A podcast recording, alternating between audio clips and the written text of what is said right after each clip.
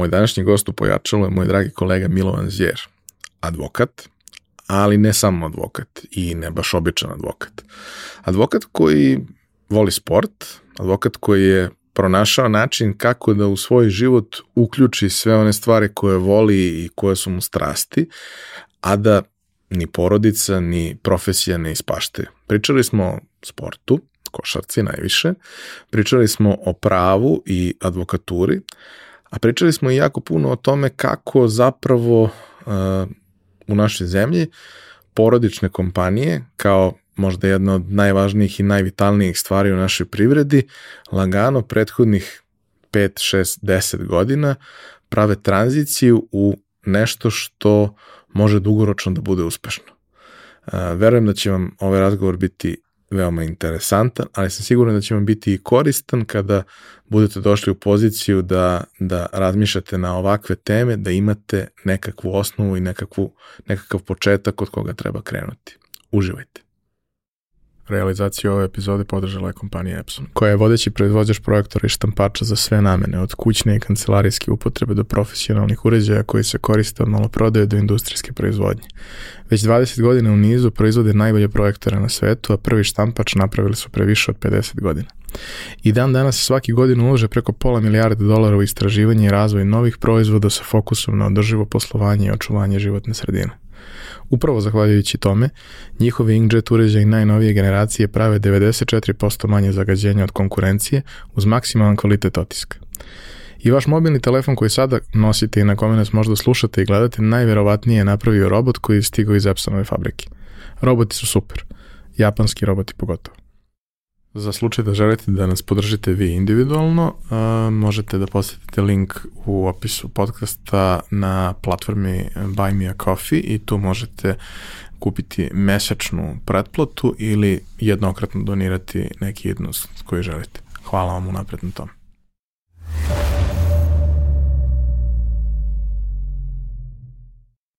Milovane, dobrodošao. Uh, ti si neko ko povremeno prati ono što, što mi radimo, a ja sam neko ko povremeno prati šta ti radiš i upravo zbog toga što uh, radiš i što povremeno komuniciraš uh, neka svoja razmišljanja, palo mi je na pamet da možda ne bi bilo loše da ispričamo tvoju priču, jer ona nije baš uobičajena. Što sam rekao i u najavi ove, kolegama kad smo pravili plan i sve, pa on je pravnik, ali, ali je zanimljiv. nije baš običan pravnik. Ima mnogo nekih dodatnih stvari u životu koje ga čine uh, mnogo širim i zanimljivijim i daju nekakav širi kontekst svemu, pa onda samim tim i to pravo dobije neki smisao, a ne samo tu neku puku dosadnu formu koja ga često, često prati. Tako da, dobrodošao i kao i sa svim ostalim gostima i tebi prvo pitanje, mančmelo pitanje. Šta se teo budeš kad porastiš? Pre svega hvala na pozivu i na prilici da danas razgovaramo, a na ovo prvo pitanje, verovatno da bih morao da se vratiti u rikverci jedno 40 godina, možda i više, i neka prva sećanja u stvari idu na, na dve stvari. Jedno je e, vojnik graničar i drugo je skupljač lopti iza gola na futbalskom terenu.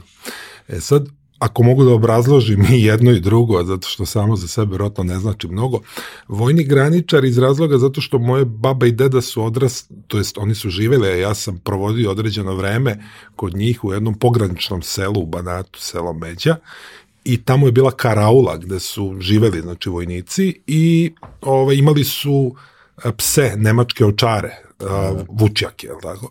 I to je 80-ih bio ono zlatni standard, i meni je to bilo kao, ne zbog vojske kao vojske, ali kao da posjeduje vučjaka, to mi je delovalo jako dobro. Tako da, vojnik graničar i drugo je skupljač lopti iza gola. Ja sam mislio kad sam bio mali da je to neko zanimanje i, i, ovaj, i sam onim momcima zašto su bili nekako, mislio sam da su im svi futbaleri ortaci I onda sam rekao, to mi deluje jako dobro. Tako da, to je bilo onako baš u onom ranom, ranom periodu, ono malo kad sam se ovaj, osvestio, uglavnom su bila neka druga interesovanja, uglavnom su bile vezana za sport. E, uvek je, kada postoji sportska komponenta u nečijem odrastanju, formiranju, to uvek nosi sa sobom neke zanimljive priče. Sad, većina ljudi koji su bili ovde, nisu se na kraju profesionalno bavili sportom. Bilo je i, i njih, imali smo i olimpijske šampione, ali je to baš čest.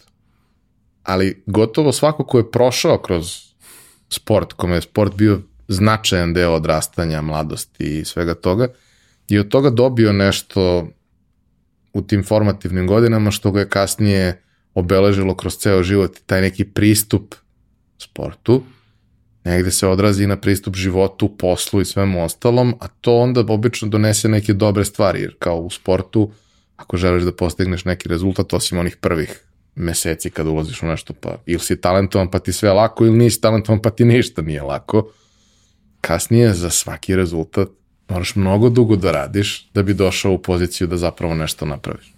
Um, zanimao te sport, ali kako je sport ušao u tvoj život sa te neke strane, osim posmatrački?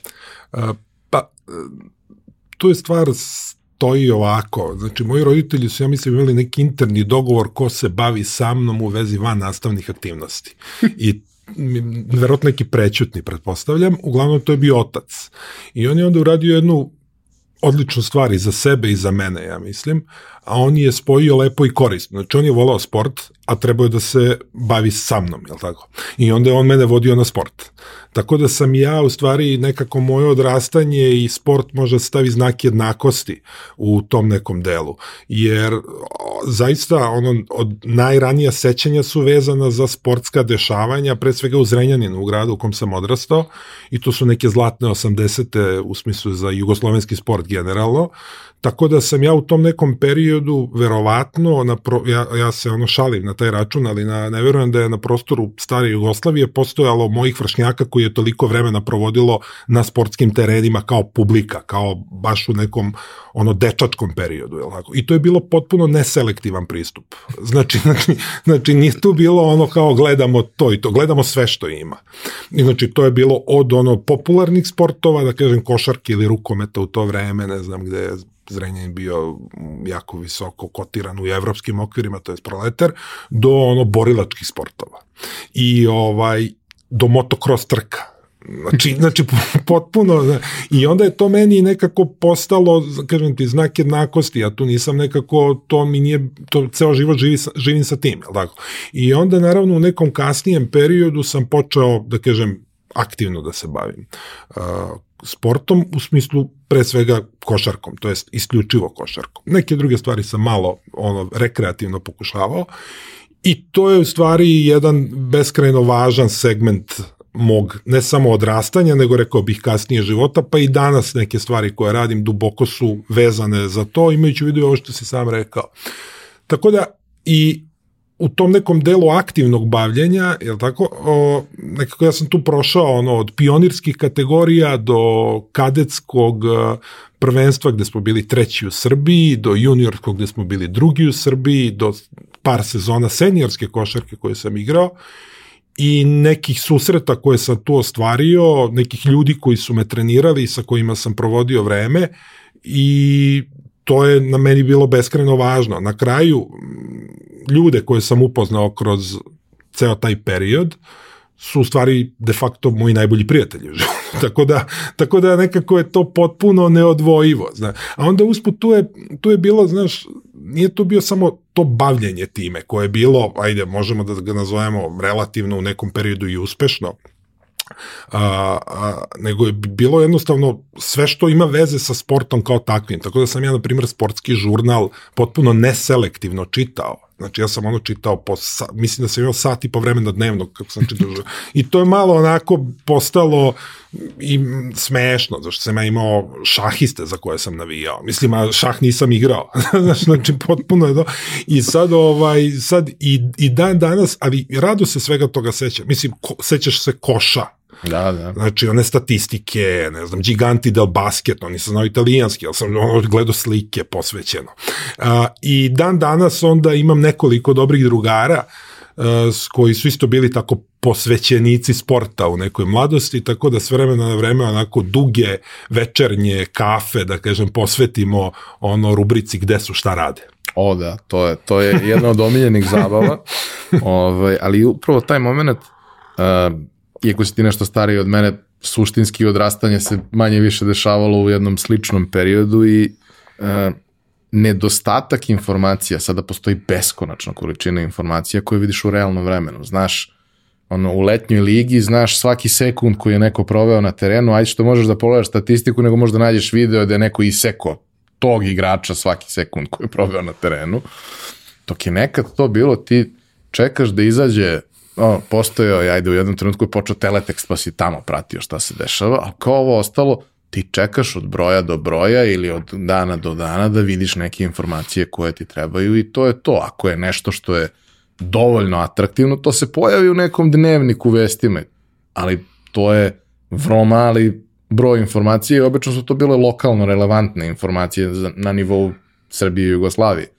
Ako je neko naš igrao negde na napolju, to, to za 5 dana pročitaš u novinama. I onda prosto ta mogućnost da ti nađeš neku knjigu, neki časopis, tempo, kad je krenuo da, da, da, da izlazi, da, sve te stvari koje tu možeš da pročitaš, meni su stvari koje sam čitao pre 30 godina se urezale u glavu mnogo bolje nego 90% onoga što čitam sad. Jer sam tad cenio to što sam imao. Nije bilo toga. Svaki, svako slovo mi je značilo teško ja mislim, danas do kraja oslikati onome ko nije odrastao u tom periodu kako je to izgledalo. Naravno, ima nas puno koji jesmo i ne treba sad lamentirati na tim kao nije tad bilo bolje, nego je bilo drugačije. Jel da? Ali apropo ovoga što kažeš, asociraš me na, na činjenicu da smo mi tad skupljali novine Znači, znaš, tad je, nije ono kao pročitaš tempo pa ga baciš, nego ti ga skupljaš pa se posle, ne znam, nekog vremena vratiš i čitaš nešto šta je bilo. Ovaj, jednostavno, da, to je, to je tačno, znaš, ja mislim da ste, ja mislim, ljudi u Beogradu su bili privilegovani, na primer, jer imao si izdanja za Beograd i izdanja za unutrašnjost. I onda ukoliko se nešto dogodilo u nedelju veče, to će doći u unutrašnjost utorak ujutru. Tako da informacije su još više kasnile, ali nisam nešto siguran da smo zbog toga bili užasno hendikepirani. Tako da mislim da je to neko, neka strast prema tome, u stvari ljubav generalno je omogućavala da se i za bolje nismo ni znali. Tako da je u stvari to meni bilo tad potpuno u redu. Da, sad je zapravo mnogo teže isfiltrirati na šta ćeš da se fokusiraš jer imaš mogućnost da gledaš bilo šta. Tako je. Sad kad gledaš nekad je bilo tu u jednom trenutku se pojavio na kablovskim i satelitskim, ono imaš Eurosport, imaš DSF. Sad, brate, imaš lokalnih, ono, 30 kablovskih kanala, možeš da gledaš apsolutno sve što se tiče sporta i onda ne gledaš, zato što imaš sve, pa ti više nije toliko ni interesantno. A tad se znalo, tad se pravio plan oko toga kad je prenos neke utakmice. No dobro. Ovaj, e, to je sport, a škola?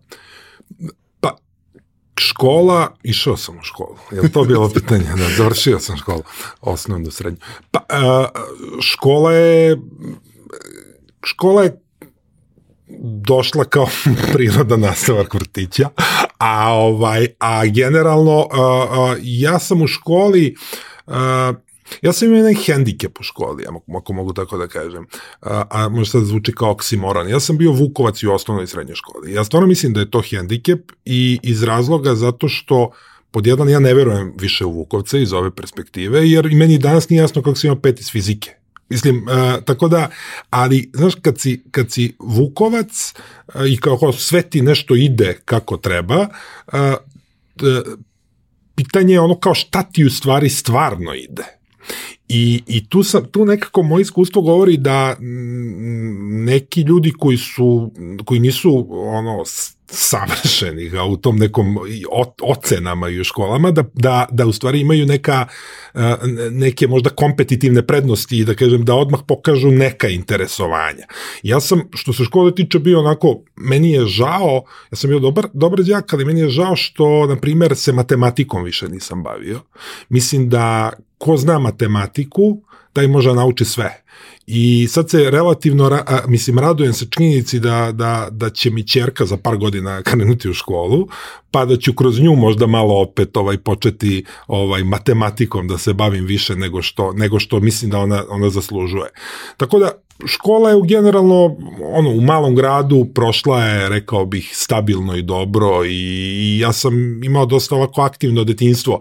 Uh, tako da ništa mi nije nekako palilo lampica na nivou eureka, kao sad ne znam, otkrio sam nešto, uh, ali, ali, ali je nekako bilo dovoljno zanimljivo da pokrije neka bazična interesovanja, pri čemu sam se kroz sve to vreme tražio na neki način, ali recimo škola je možda, tu sam prvi put neki neuspeh osetio, a, da kažem u školi, kada nisam izabran u hor to mi je stvarno jako teško palo, tako da to mi je isto jedna asocijacija. Da, posle sam bio zahvalan, ali, ovaj, ali to, na primjer, mi je recimo jedna od asocijacija na školu. Nisam ja. izabran u hor. I ja sam išao na apsolutno sva takmičenja i apsolutno svuda sam super prolazio, bio Vukovac, bio đak generacije i jedino kad su ono dodeljivali na kraju osnovne škole bilo je kao dobiješ u svakom predmetu gde se neko posebno istakao, oni su davali neke dodatne diplome. Ja sam ne bio sve osim muzičko. Da, ali ne znam da li, uh, razumeo si me šta sam rekao, da. hendikep kad, kad si Vukovac. Nisam hteo da budem time hoćeš. onako, nisam hteo da, da kažem da, da, da, da nešto pohvalim ili, ili pokudim bilo koga, nego jednostavno previše toga ima i onda ti se čini kao da sve možeš, a u stvari kor nekog interesovanja još uvek nije e, do kraja, rekao bih, ovaj zagreban i verujem da ovaj, on, bilo neko ko je užasno kreativan, što ja mislim da nisam nužno bio, ili neko ko je talentovan za prirodne nauke, oni ostali ostaju negde u sredini i onako produžavaju taj svoj period traženja i u kasniji period. Ne, imaš uvek taj moment, naravno zavisi od škole do škole i od okruženja do okruženja, ali negde prosto ta uh, taj uslov koji treba da ispuniš da bi imao najvišu ocenu nije toliko visok. I tebi nije nikakav problem da ga ispuniš. Da ali to ne znači da si ti dobar Tako u tome. Je, upravo to. Jer prvi put kad odeš na neko međugradsko Tako takmičenje, je. ti shvatiš da ima ljudi koji su mnogo bolji upravo od tebe. To. Tebi deluje da si ti u svom okruženju superior. I jesi. Ali to ne znači da si u realnom kontekstu, Absolut. kontekstu takav. Druga stvar koja tu postoji i uvek je nekako bitna je što vrlo često interesovanja dece, kada imaš, kada nemaš to baš 100% jasno profilisano zašta si, nego si svaštar koji bi mogao na raznim mestima da se iskaže, ono, multidisciplinaran si u svakom smislu, to čime, šta, šta ćeš zavoleti, to u šta ćeš se upetljati, to čime ćeš se pozabaviti, ima najčešće veze sa tim ko te učio to. I ako imaš profesora ili profesorku čija je inicijativa bila takva da ti zavoliš to što startu možda nisi ni voleo, to napravi neku neverovatnu razliku. Ja nikad nisam, ja sam mrzeo srpski jezik i književnost i pisanje i sve to, dok nisam dobio i u osnovnoj i u srednjoj školi dvojicu predivnih profesora koji su sve promenili. Od nekog ko, kad je trebao da piše pismeni rad, prvo mislim da se razumemo, majka mi pisala pismene prvih nekoliko godina, kao i većini drugih svima, u da. razredu, da. jel? Ovaj, jer sam ja mislio da sam ja idiot i da ja to ne umem. Onda mi je čovjek pokazao da ako umem da pričam tako, ako sam toliko elokventan u tim godinama, zanima me sve, čitam, nemoguće da ne znam da pišem. Samo pokušavam da se ukalupim u nešto u šta ne bi trebalo da pokušavam da se ukalupim. Čovjek me oslobodio, dve godine kasnije, da ja osvojio sve što može da se osvoji od tih nagrada koje mogu da dobiju mladi pisci za poeziju, za prozu, nije bitno. Kao da me on nije otključao, to se nikad ne bi desilo a redke su situacije da naletiš na osobu koja to uradi. Pa ja dugo nisam, uh, mislim, sad tvojim pitanjem si me malo vratio opet uh, unazad, moram priznati ne razmišljam previše ovaj, o, o, o, o, tim stvarima, ali kada razmišljam, uh, mislim taj, taj period škole u stvari je manje bitan zbog, ne znam, nekih ocena, one su tu, ne znam, da pomognu možda malo u nekoj kvalifikaciji kasnije srednju školu i to nije potpuno nebitno, ali u suštini, mislim, po meni dve stvari. Jedno je, jedno je da, da se nauči kako se uči. Znači da se jedan uh, pristup učenju uh, bude pravi i da kažem uh, da ne bude nužno bubalački, ako mogu tako da kažem, jer pre ili kasnije se suočavamo sa tim da to jednostavno ne, nije dovoljno da kažem. I, I s te strane i da se jednostavno zavoli bazično sticanje znanja, jel tako? I da se bude otvoren ka tome i mislim da ta, tu funkciju kad škola uradi makar toliko, makar toliko je dovoljno. E sad, taj period, da kažem, kraja srednje škole, izlaska iz tih okvira srednje škole je period kad svi mi prolazimo kroz prvi put pravo u neku situaciju gde moramo da donesemo neke velike odluke. Ajde mi što smo iz Beograda, pa nam je velika odluka da li ćemo na jedan tramvaj ili na drugi tramvaj da idemo do fakulteta, to je malo drugačije i malo lakše, ali ti kada si došao u taj period, imao si sa jedne strane sport, sa druge strane si imao činjenicu da manje više za šta god da se opredeliš, moraš da menjaš okruženje u kojem sad gde ćeš ići, kako ćeš ići, to je već stvar odluke, ali izlaziš iz te neke sigurne zone i zone komfora, a sve se to dešava u nekom periodu koji nije baš sjajan, ovako socioekonomski u najmanju ruku. Kako je, prvo, kako si uopšte razmišljao tada, kako si došao do, do zaključka gde želiš da, da budeš i kako je izgledao taj proces tranzicije? Da. Pa, e, taj proces tranzicije, to jest odluka, odluka je bila uslovljena činjenicom da čak ni kroz srednju školu ja nisam iskristalisao nešto 100% šta hoću da radim. I onda se tu pravo opet nametnulo kao, ili pravni fakultet kao, opet rekao bih, neko srednje rešenje, jer recimo da pravni fakultet kao takav ne predstavlja nužno jednu profesiju, nego ostavlja opet jedan širi dijapazon mogućnosti.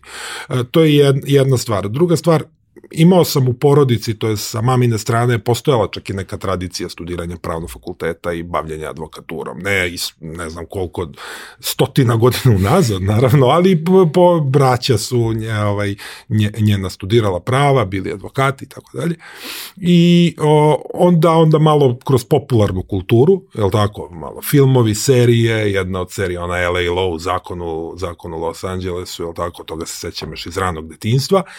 I onda sve to pomalo mi je nekako nametnulo pravo kao jedan ok izbor. Da, i bilo je ono, ja sam dosta bio pričljiv kad sam bio mali, recimo da i, i onda su onda, a moji su meni uvek dozvoljavali dosta uh, pravo glasa, rekao bih u kući, nekad ovaj možda i previše.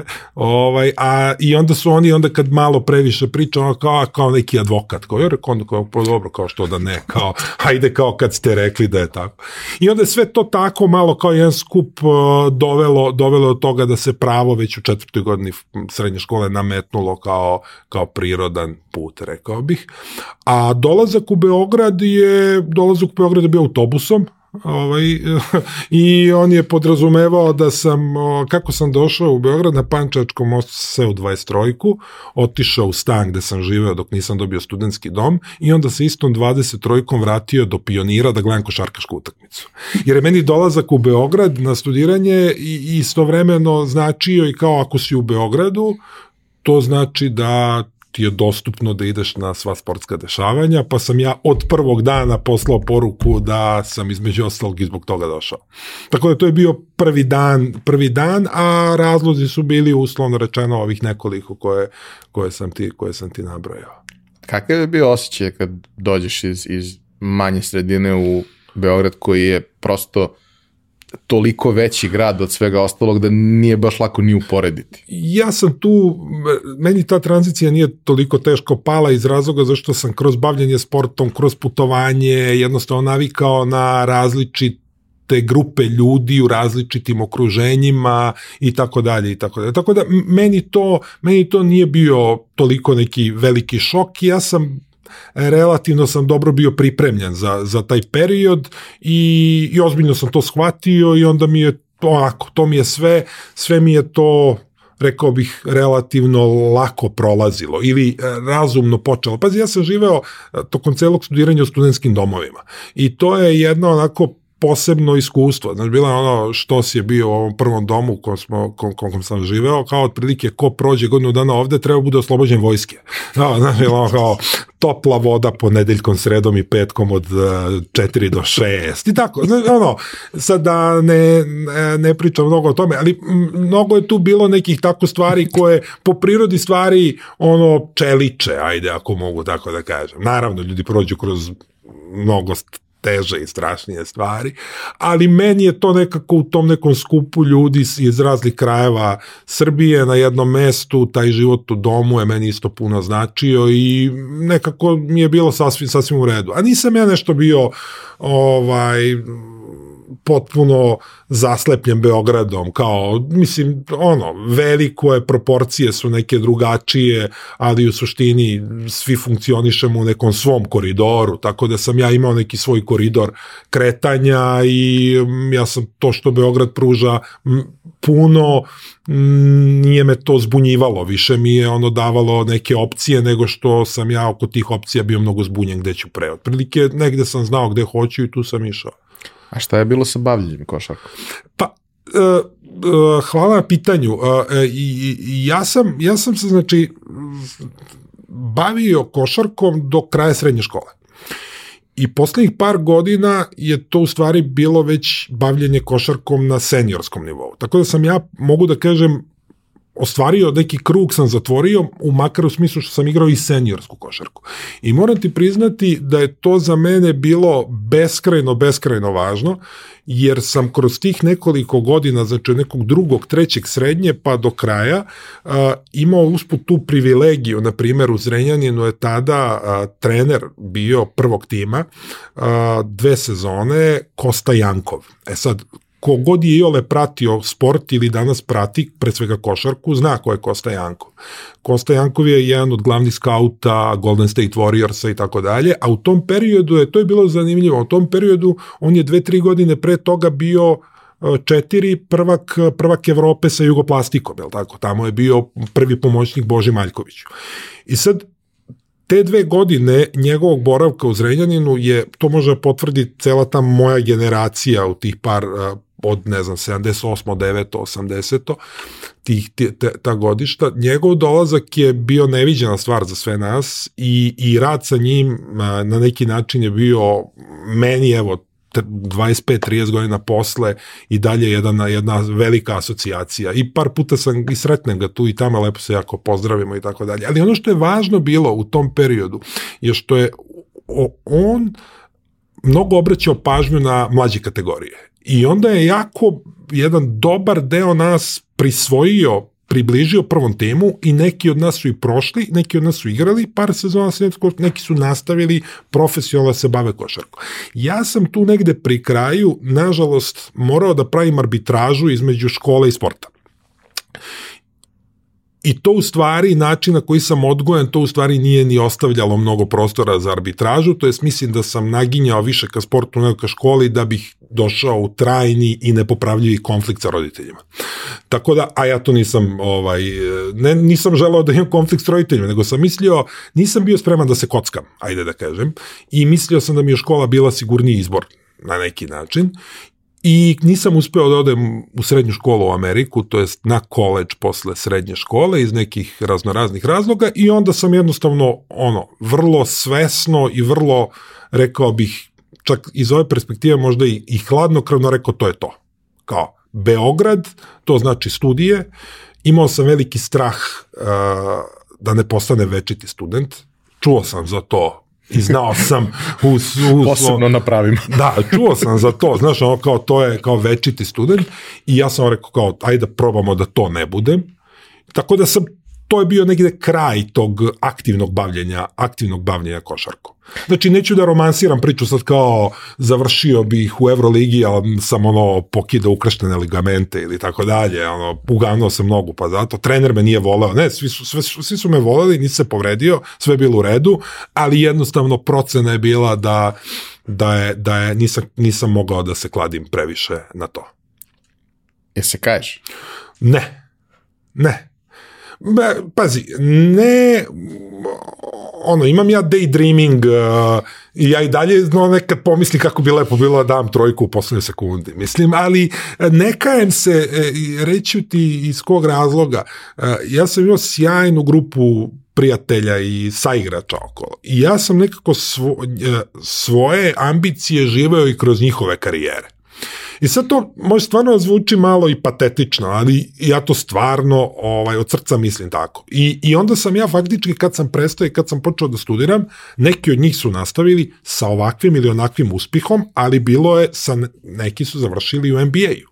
Mislim, tako da ne imenujem sad, ali bilo je, bilo je ovaj, kako da kažem, svega u, tom, u toj lepezi i ja sam nekako nastavio kroz njih da, da, da živim i sport, a paralelno radeći na ove, pa su nam se posle nekako putevi ukrštali, tako da ne, nije mi, nije mi, nije mi stvarno, nije mi stvarno, žao je jednako, nek, naš, nekad odluke moraju jednostavno da se donose, makar koliko god one bile nekako i, i teške i, i, i sve, ja sam ono procenio da je to prava stvar i to je to.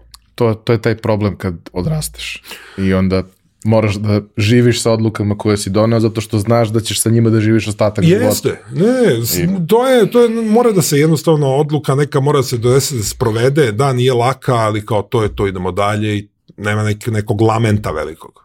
A kaži mi, taj dolazak na fakultet i to opredeljenje da studiraš prava i ceo taj tvoj odnos prema tome puno odgovornosti prema sebi tog straha da ne budeš večiti student, što sigurno je dodatna motivacija.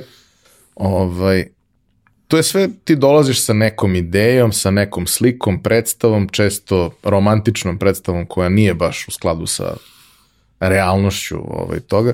Kakvo je iskustvo bilo na pravnom fakultetu? Kako je tebi izgledalo pravo prva, druga godina? Ej, to je bilo sve okej. Okay. Znači, generalno je kad shvatiš neku stvar ozbiljno i kad imaš ovaj strah da se nešto ne dogodi, onda kao radiš nešto da se to ne dogodi i to sve bude okej. Okay. I, znači, meni, meni je fakultet kao fakultet nije nešto preterano teško pao. Bilo je neki par ispita, jedan koji me nešto onako mučio, ozbiljno, o, krivično procesno pravo, verovatno se zato posle nikad nisam ni bavio krivicom, ali tu sam nešto jednom vratio pitanje pao, tako bilo je, ne, ovaj, to, me, to me malo u jednom trenutku iznerviralo, ali sem toga je sve to išlo relativno, relativno ok. Sad tu, uh, uh, uh, i mislim, fakultet je tad stvarno bio, ne znam kakav je danas, ne, ne, ne studiram danas pa ne mogu da poredim, ali bila je dobra generacija, rekao bih, i profesora i neka generacija moja je bila sjajna, nekoliko, mislim, dosta kolega su napravili jako dobre karijere, bilo sad kao profesori, bilo u privredi, bilo u bankarstvu, bilo u advokaturi, tako da je grupa bila generalno ok i meni to nije, nije predstavljalo neki veliki neki, ne znam, užasan problem, ali organizacija je bila nekako adekvatna i, znaš kako, ja sam tu ono što sebi možda zameram iz ove perspektive i što bih sad kad bi me neko pitao, ja bih verovatno probao drugačije da savjetujem, mislim da nisam se tad previše bavio neki van nastavnim aktivnostima. Znači ono, mimo, mimo praćenja sporta, mimo studiranja i mimo izlazaka, da kažem generalno. Znači ja stvarno ono dosta provodio vremena u nekom noćnom životu još od srednje škole i tako dalje i tako dalje i to mi je neko važan segment bio neke socijalizacije i tako dalje, ali recimo studentske organizacije tu nisam ovaj bio nešto aktivan mislim da to nije nužno ispravno, o, ovaj, ja sam malo bio ciničan prema svema tome, znaš, to mi je sve nekako, nisam, nisam imao neki, ovaj, neke pret, neki ljudi koji su tu pojavljivali nisu bili nužno simpati. Tako da, ali to, to je po meni greška. Znači, mislim da čovjek već u tom periodu treba da malo da sebi mogućnost da izađe iz nekog okvira obavezne, obaveznog programa, i, a istovremeno mislim da treba, znaš, i sam si spomenuo, ja ne bih to možda čak nužno ispominjao, ali si rekao period kakav je to bio. Znači, ja sam počeo studiram 98. godine. E, nas je u martu 99. sačekalo, znamo već svi šta, je li tako, bombardovanje. Tako da ja sam prve ispite rimsko pravo polagao 3. juna 99. pod sirenama. Onda i do 2003. šta se sve dogodilo i ne znam, 5. oktobar, pa ne znam, onda 11. septembar u Americi koji opet ne znam i ovde imao neki svoj efekat i na sve to uticalo na kraju dana. Tako da društveno politički kontekst je onako bio malo tumorniji, rekao bih, tmurniji nego što je, nego što je, nego što je u nekom možda kasnijem periodu bio, tako da je sve to u stvari uticalo i na to da se fokus uradi, daj da ovo uradimo homework kako treba i da onda idemo dalje. Ono. I, mislim da je jako važno kad studiraš nešto tako da imaš taj odnos koji kaže ovo mora se završi. Znači mora se završi, nije bitno da li se to meni dopada ili mi se ne dopada nešto pojedinačno u tom procesu, to je moje opredeljenje i sigurno će da bude stvari koje mi se u, u procesu ne dopadaju, ali to je celo paket koji ide samo Tako. na taj način i to je to. Ali taj proces prolaska kroz fakultet te zapravo izlaže raznim nekim zanimljivim stvarima i raznim nekim zanimljivim oblastima. U suštini ti kada dođeš, ne, neko zna šta hoće, ali mnogi ne znaju, mnogi tek kroz fakultet dođu do te neke svoje profesionalne orijentacije i usmerenja u kom smeru žele da idu. Sad to da li u kom smeru žele da idu i u kom smeru će moći da idu, to nisu uvek stvari koje su na liniji. Ali šta je tebi bilo tokom fakulteta posebno zanimljivo? Čuli smo da si imao Pa, očigledno da mi e, krivica nije bila previše nešto ovaj zanimljiva, tako da, da, ja sam se nalazio negde, pazi, ne mogu, ti predmeti koji imaju veze sa privredom dolaze u kasnijim godinama, ali u startu je već nekako taj građanski deo meni bio zanimljiviji što kroz, da kažem, samo to rimsko pravo, pa ove nastavno predmete iz ovih pozitivnih predmeta koji kasnije proizlaze iz toga, tako da ja sam već imao negde neku ideju otprilike šta neću raditi. To i naravno već sam u tom periodu, to je važno bilo, verovatno imao ideju da želim da se bavim advokaturom, što je opet isto jedna odluka, jel tako, zato što ne žele nužno svi, odlaze ljudi u pravosuđe, jel tako, odlaze na, na razne strane, ja sam rekao to će biti advokatura i to je nekako se onda sužavalo polje, polje kako da kažem, delovanja. A kaži mi, e, u celom tom procesu uh, studiranja i svega, kako se bližiš kraju fakulteta, tako treba da razmišljaš šta ćeš da kreneš da radiš i gde ćeš da kreneš da radiš, šta će da ti budu prvi profesionalni koraci, nekad i tokom fakulteta, nekad posle. Uh, Kako si ti na to gledao? Da, pa ja sam tu imao, ajde da, da kažem, jednu, e, jednu privilegiju, ako mogu tako da kažem, tako da ja nisam, ja prvi posao, u stvari jedini posao mimo samostalnog bavljanja advokaturom, ja nisam morao da apliciram za posao, jer sam počeo da radim kod mog rođenog ujaka. Tako da to bila onako malo ovaj privilegovana pozicija, a, a, a, nesporno, znači advokat Rade Milošević, kod njega sam radio kod njegove kancelarije 8-9 godina i tako da ja, ja sam imao tu olakšavajuću, da kažem, okolnost u smislu dobijanja posla. Ali to istovremeno mislim da smo se i oni ja potrudili da to ne bude otežavajuća okolnost za rad i potom bi verovatno bolje mogli da svedoče kolege iz kancelarije nego ja ovde, ali s te strane sam ja, da kažem, tu jednu stepenicu a, imao olakšanu a, ako mogu tako da kažem. Ali to istovremeno, to je, to je jako zanimljivo, zato što pitanje je neka stvar koja ti olakšava, zavisnosti od kakvog si soja sačinjen, da li ti negde neke druge stvari otežava i da li ti stavlja neki osjećaj uh, veće odgovornosti i tako dalje i tako dalje, ali istovremeno ja sam, mislim da, mislim da ako bi čovek svaki posao i sve kontaminirao nekim ličnim stvarima u smislu da li ovo treba ili ne treba, onda otprilike sa mnogo ljudi nikad ne bi ni sarađivao, jel kako nemoj sa ovim, nemoj sa onim, pa onda trebaš da tražiš potpuno random tipa koga nikad nisi ovaj video da bi nešto s njim radio, jel tako. Tako da s te strane, ali to je bio neki moj početak, jel tako, advokature. Pri čemu uh, uh, jedan važan korak se dogodio pre toga, koji mi je puno u stvari pomogao kasnije, ja sam nekih šest meseci pre kraja fakulteta proveo taj period u Americi i to ne kao student, nego kao šljaker.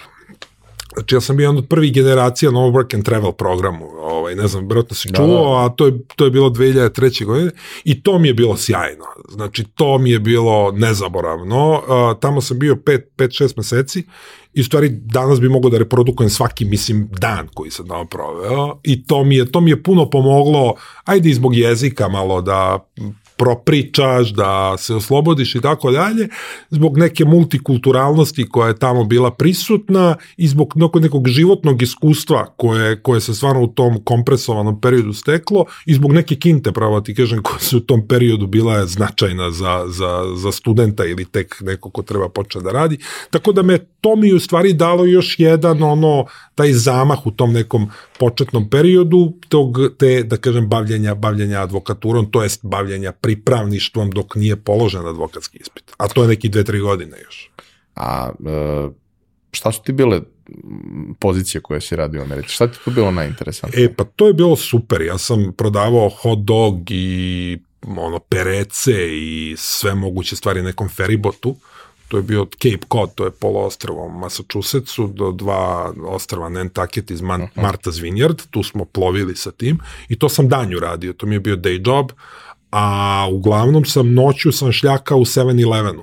Uh -huh. I to je bilo ono sjajno. Mislim, sjajno. To je bilo neviđeno teško i, i zahtevno, ali istovremeno mi je bilo ono sjajno. Dakle, da samo tamo sam radio ono, od punio frižidere, mopping the floor, znaš, ono, sve što, sve što može da se radi, a od 12 noći do 6 ujutru sam faktički bio sam u 7-Elevenu i ono, kao u Simpsonovima, mislim, radio, prodavao ove scratch tickets i kofi ujutru i sve što, sve što ima. Tako da, to je bilo neviđeno, znači, to je bilo jako, jako dobro, jer ti dođeš tamo iz pozicije negde kao ti si pri kraju fakulteta, ostale ti je dva ispita do kraja, kao imaš neki si, relativno siguran posao koji te čeka i tako dalje, a onda ono dođeš i, znači, ono, studentski posao, ali ono, bez igde ikoga, ono, ja, meni je tad bio, imao sam jedan, ne uslov, ali želju da budem u kraju gde neće biti naših, jer sam u stvari skapirao iz razgovora sa ljudima kada odu naši, onda se malo prave onako gangovi nekako i ja sam rekao, ajde ono kao pet meseci da ne znam nikoga. I stvarno otišao sam, nikog nisam znao, mislim, upoznao sam masu ljudi i to je bilo odlično. Tako da to su bili ono, ono kupovao sam dobre knjige. To možda tebe zanima. To mogu ono ja. posle posle snimanja da ti pričam o tome, ali E, to su te neke stvari, ja znam neke ljude knjige za, isto... za dolar, dolar knjige. Ja sam onda imao problem što nisam mogao sve da, mislim da, ponese. da ponesem, onda sam poneo, znaš, ali stvari koje sam poneo iz Srbije sam maltene, ja mislim pobacao ili ne znam, sve ono kabasto što je bilo, a što ne vredi mnogo sam bacio. Znaš, da bi bilo mesto, ono kupovao sam knjige, ono yard sale, ono dolar, dolar knjiga biblioteke prodaju neke lagere, to je bilo fenomenalno. Mislim i dalje imam sve ono što sam donao odanda i bilo je sjajnih stvari. Knjige. Na primer biografija, autobiografija, to je biografija Muhameda Alija, to mi je bilo, to ti ja, voliš sport ili tako, to, to bi ti bilo sjajno. To je autobiografija koja je rađena u stvari kroz intervjue sa njegovim savremenicima, koju je on autorizovao, da kažem, to je dozvolio da takve izađe. Znači, sve Anđelo Dandi, svi oni, i bovi, borci, suparnici i tako dalje. I to mi je bilo, na primjer, jedna od omiljenih, ovaj, omiljenih knjiga koje sam kupio tamo. Da. knjige imaju tu e, lošu osobinu da su teške. da, da, da, da, da, su teške i da nisu baš ono za, za da. prtljak do 23 kg. A nekako sam izgurao, da. A, taj dolazak uh, nazad i, da kažem, ulazak u ceo proces uh, rada u, u, u kancelariji uz posebno taj moment, da kažemo, dodatne odgovornosti koje uvek ide, to se vidi da si ti takav čovek bio i, i, i od najmlađeg uzrasta da postoji jedna posebna odgovornost kada je to nešto što je porodica, kada je to neko blizak. Mm -hmm. A, ali to je zapravo prvi put kad se ti u svojoj struci mm -hmm. susrećeš sa nekom ozbiljnom odgovornošću, nekakvim poslom koji jesi ti studirao nešto, ali ti u principu Naravno. ne znaš šta radiš. Naravno. Ti si došao tu i imaš dve ruke i dve noge i zapamćeno određenu količinu strana, ali sad zapravo treba nešto od toga da primeniš. I vrlo često, ajde možda sa, sa, sa pravnicima to nije toliko izraženo, ali vrlo često imaš ljude koji izađu sa fakulteta i misle da su popili svu pamet ovoga sveta. A tek u susretu sa realnim poslom i realnom strukom, čije pretenduju da budu deo, shvate da ne znaju ništa ili da ne znaju dovoljno ili da stvari koje su u teoriji na jedan način u praksi baš i nisu na taj način. I ta vrsta suočavanja nekada ume da nosi vrlo neke ozbiljne posledice u smislu razočaranja kako to, kako to ispadne. Uh, ti jesi imao, ti si došao u nešto što je uigran, na poziciju koja ima svoje, svoj opis i svoju svrhu, ali prosto ti si imao neka očekivanja od svega toga. A, mislim, pitanje ti je potpuno na i to je ono što ja sad sa ove vremenske distance pokušavam da pomognem mlađim kolegama sa kojima, kojima sam ja sad, da kažem, nekako principal, ako mogu tako da kažem. A to je stvari to suočavanje sa tim korpusom neznanja koje, koje je ogromno ovaj, i koje je potpuno uobičajeno znači potpuno uobičajeno, da ono ne bude destimulišuće. Znači, tu je, tu je pravo malo nezgodno, ne, zato što, ne znam za druge, nisam radio druge poslove, ali generalno potrebno je dosta da se vremena prođe, da se stvari natalože i, i s te strane je ono strpljenje neko jako, jako, jako važno. Ja sam imao tu sreću da sam radio sve i svašta. Mislim da to isto danas, ne danas, ali mislim da ljudi možda prerano hrle u neku ekspertizu. Pokušavajući prerano da budu ono nekako jako jako dobri u nečemu. A, a, a mislim da mislim da u pravu je zahvalno dotaći mnogo stvari u jednom u jednom periodu karijere, tako da se ja parničio dosta, znaš, ja sam po sudovima po Srbiji bio na sto strana, znaš, ono, meni je to bilo super, ono, znaš, ta, ono, Subotica, Sombor, parnice, me, me, real life, znaš, ono, vidiš kako, kako, kako stvari funkcionišu stvarno na terenu, ja, kontra neke salonske advokature, znaš, ono, gde, e, tako da, ja sam u tom nekom periodu pripravništva i ranog rane faze advokature dosta toga dotakao i tu sam beskrajno zahvalan svim kolegama s kojima sam prvo sarađivao, jer su imali nekako ne znam da li su imali poverenja ili je, ili je bilo manjak ljudi pa je morao neko i ovo da radi. Znaš, ne znam šta je bilo. Ja ono, ako hoću ja se osjećam bolje, kažem, imali su poverenja. Ne, ono, a možda u stvari nije imao ko da radi. Ali sam tu stvarno dotakao se svega i e, raznih, raznih, raznih stvari koje su jednostavno pomogle da, da vidim šta hoću, a šta neću. Ajde da kažem, znači to je još jedna trijaža u stvari bila i ona je trajala godinama, da kažem, dok ja nekako i tu nisam prosejao u tom širokom polju nešto što mislim da me možda više zanima, nešto manje. I šta si shvatio da hoćeš? Pa, a, pa a, e, sad, šta sam shvatio da hoću? Pa, pazi, a, ja sam imao tu jedan period kada sam zajedno sa svojim a, sa svojih nekoliko prijatelja napravio svoju kancelariju. To jest, znači, nakon 8-9 godina rada u ovoj prvoj kancelariji koju sam pomenuo, nekako to je došlo kao neki prirodan put kako god. U svakom slučaju, mi smo to krenuli da radimo sad potpuno ono samostalno. I to je bilo i to je bilo nice, ono, lepo, jedno dve, tri godine i dalje smo zajedno i dalje je super, ali ja sam posle par godina, to jest u danas posmatrano 5-6 godina unazad, prvi put bio u nekoj krizi, ako mogu tako da kažem. Kad, kad kažem krizi, mislim na činjenicu da sam, da sam nekako se, kao da je plafon počeo da mi se spušta, skapirao sam ili počeo sam da uviđam da u stvari u advokaturi i u pravu je kao sve izmišljeno i kao nema tu nekog prostora za inovaciju. Ono što kaže jedan moj prijatelj, onda boriš se za shrinking share, onda shrinking market. znači, market se e, sužava, share postaje manji, ti se nešto boriš za to.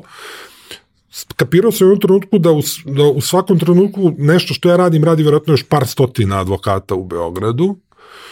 I onda mi je bilo kao, stvari, šta sad ti tu kao radiš? I istovremeno o, sam prvi put osetio, ne sad kao, ja sad neću više da se bavim advokaturom, e, nego nekako sam osetio potrebu da malo reinventujem neke stvari, a znaš, nisam nešto bio tech guy, kao sad ću neki legal tech, pa sad kao to će da bude nešto, ne znam nija šta. I jednostavno sam, i to sam komunicirao sa mojim partnerima. I rekao sam, ljudi, ono, sve super, ali meni nešto ne valja. I sad to je prosto bio, to je, to je, to je bilo neko zvono da neki ekstra napor u nekom pravcu mora da se učini. I onda se tu dogodila jedna meni važna stvar, sad posle će, vidjet ćemo koliko će biti opšte važna, ali meni je važna, susret sa jednim ne znam da li ga znaš, on zove Pavle Vlajčić. Naravno. Pavle Vlajčić, ono što kažu, serijski preduzetnik i vlasnik biznis berze, to je portala biznis berza i aktivan u raznoraznim drugim, da kažem, poslovnim aktivnostima i moj drag drugar i sretnemo se na nekom eventu i malo počnemo pričamo o biznis berzi i tako dalje i tako dalje i ja se stvarno zainteresujem malo i kao mali biznisi, ja sam već imao M&A iskustva, kako pomoći malim biznisima da budu transferabilni i tako dalje i tako dalje. I to odjednom mene onako počne da vozi. Iako tamo tekući posao traje sve to ide, ne, e, sve u redu, ali ja tu malo počnem više da se zanima za to što Pavle konkretno radi. I ajde da kažem, možda i da mu pomažem u nekom delu ili da komuniciramo o tome. I Pavle da jednu ideju, kaže, hajmo mi na neki seminar, konferenciju u Zagreb. Tako, kakva je to konferencija, šta je to? Pa kažem o porodičnim kompanijama, o malim biznisima, srednjim biznisima i tako dalje. Tako. Pa je rekao, ajde, a i njemu sam se požalio, rekao je, moram nešto da moram nešto da probam da, da, da uradim, da, da, da malo, ovaj, kako da kažem, dam neki efe ovaj, o, o poslu. Uh, Pri čemu, kažem, opet da ne zvuči da lamentiram, ljudi prolaze kroz teže stvari u životu, ja sam imao posao i dobro mi je bilo, ali jednostavno malo, evo, ako se vratim na ono kao nekako by the book struktura i rekao, ajde nešto malo probam da, da to promenim. Da... Ne, imaš onaj neki osjećaj, mislim, da. kao da uh, radiš nešto i tebi je dobro i vidiš da, vidiš da će ti bude dobro. A pošto ne planiraš da ideš u penziju za 3 godine, vidiš da za 15 da, godina neće da bude ne, baš tako, tako sjajno. Za 5 godina, ne 15. I onda, yes. kao, kako na neki tako način je, da iskoristim taj period da tako se preusmerim. Yes. Rad sa korporacijama ima svoje prednosti. Tako. Mislim, to sve nešto košta, njima koliko god da to košta, to obično nije problem ukoliko se posao uradi, ali to prilično dosadno i imaš taj neki moment koji meni lično je uvek mm -hmm. ubijao u, u takvim nekim situacijama, hoće nekad nešto da se desi. Da. Hoće li ono, to o čemu smo mi radili, pričali, probali, hoće da primeni to neko ili ćemo da čekamo pet godina da se desi jedan korak, jer normalno je da je veliki sistem spor. Ali moj unutrašnji osjećaj je da to mora da bude drugačije i da treba da bude drugačije i da ako nije drugačije, ta firma će da propadne. Neće odma. Propadaće 50 godina. Tako. Ali ja to vidim i meni to ne odgovara. Upravo to. I Pavle i ja smo otišli, to je sad bilo ti, tih preno 5, 5, 6 godina, otišli smo u Zagreb na tu konferenciju, seminar, jednodnevni i ja sam tamo ceo dan onako bio kao ono što kažu kid in a candy store, ono, kao dete u prodavnici igračaka ili slatkiša. Ja sam video da tamo već se, znači, to je bio seminar u stvari jeli, o porodičnim kompanijama, o tranziciji u porodičnim kompanijama, o prenosu vlasništva, upravljanja sa prve na drugu generaciju, sjajni panelisti, sjajna, sjajan organizator, profesorica Mirela Alpeza, učesnici iz inostranstva, iz Big Four firmi, advokatskih kancelarija i tako dalje, neki stotinjak ljudi koji razgovaraju o tome i postavljaju se pitanja, vrlo je to sve bilo dinamično i aktivno, ali ja ništa ne, nešto slično nisam video da, da se na taj način o tome kod nas govori, je tako? A univerzalni su problemi, univerzalna su pitanja. I tada sam u stvari tog dana sam upoznao na tom eventu, to jest na tom seminaru, Borisa Vukića, uh, koji je u stvari prvi u Srbiji i u regionu se najdetaljnije bavio temom porodičnih kompanija i na neki način to je bila neka, recimo, inicijalna kapisla da sam ja video, ok, rekao, nešto mi se čini da imamo o čemu da pričamo. I u stvari, ovaj, znači, Pavle je bio ne, ne, najzaslužniji zato što je na neki način mi je dao tu inicijativu i ja sam sa pomenutim Borisom Vukićem posle par dana ili par nedelja u Beogradu seo da se lično upoznamo i da malo porazgovaramo ovaj, ono šta ti radiš, šta ti radiš i tako dalje. A ja sam već imao dosta iskustva ovde, da kažem, u kom, kompanijskom pravu, korporativnom pravu, svim tim nekim srodnim granama prava i neki ono širok dijapazon da klijenata, ono što se kaže, što kaže jedan kolega, kaže, ko su vam klijenti? Pa kaže, pa malo naši, malo stranci, bilo malo naši, malo stranci, znači neka standardna advokatska priča, ništa, to sad nije bilo preunikatno, ali bilo je, bilo je o čemu da se priča svakako.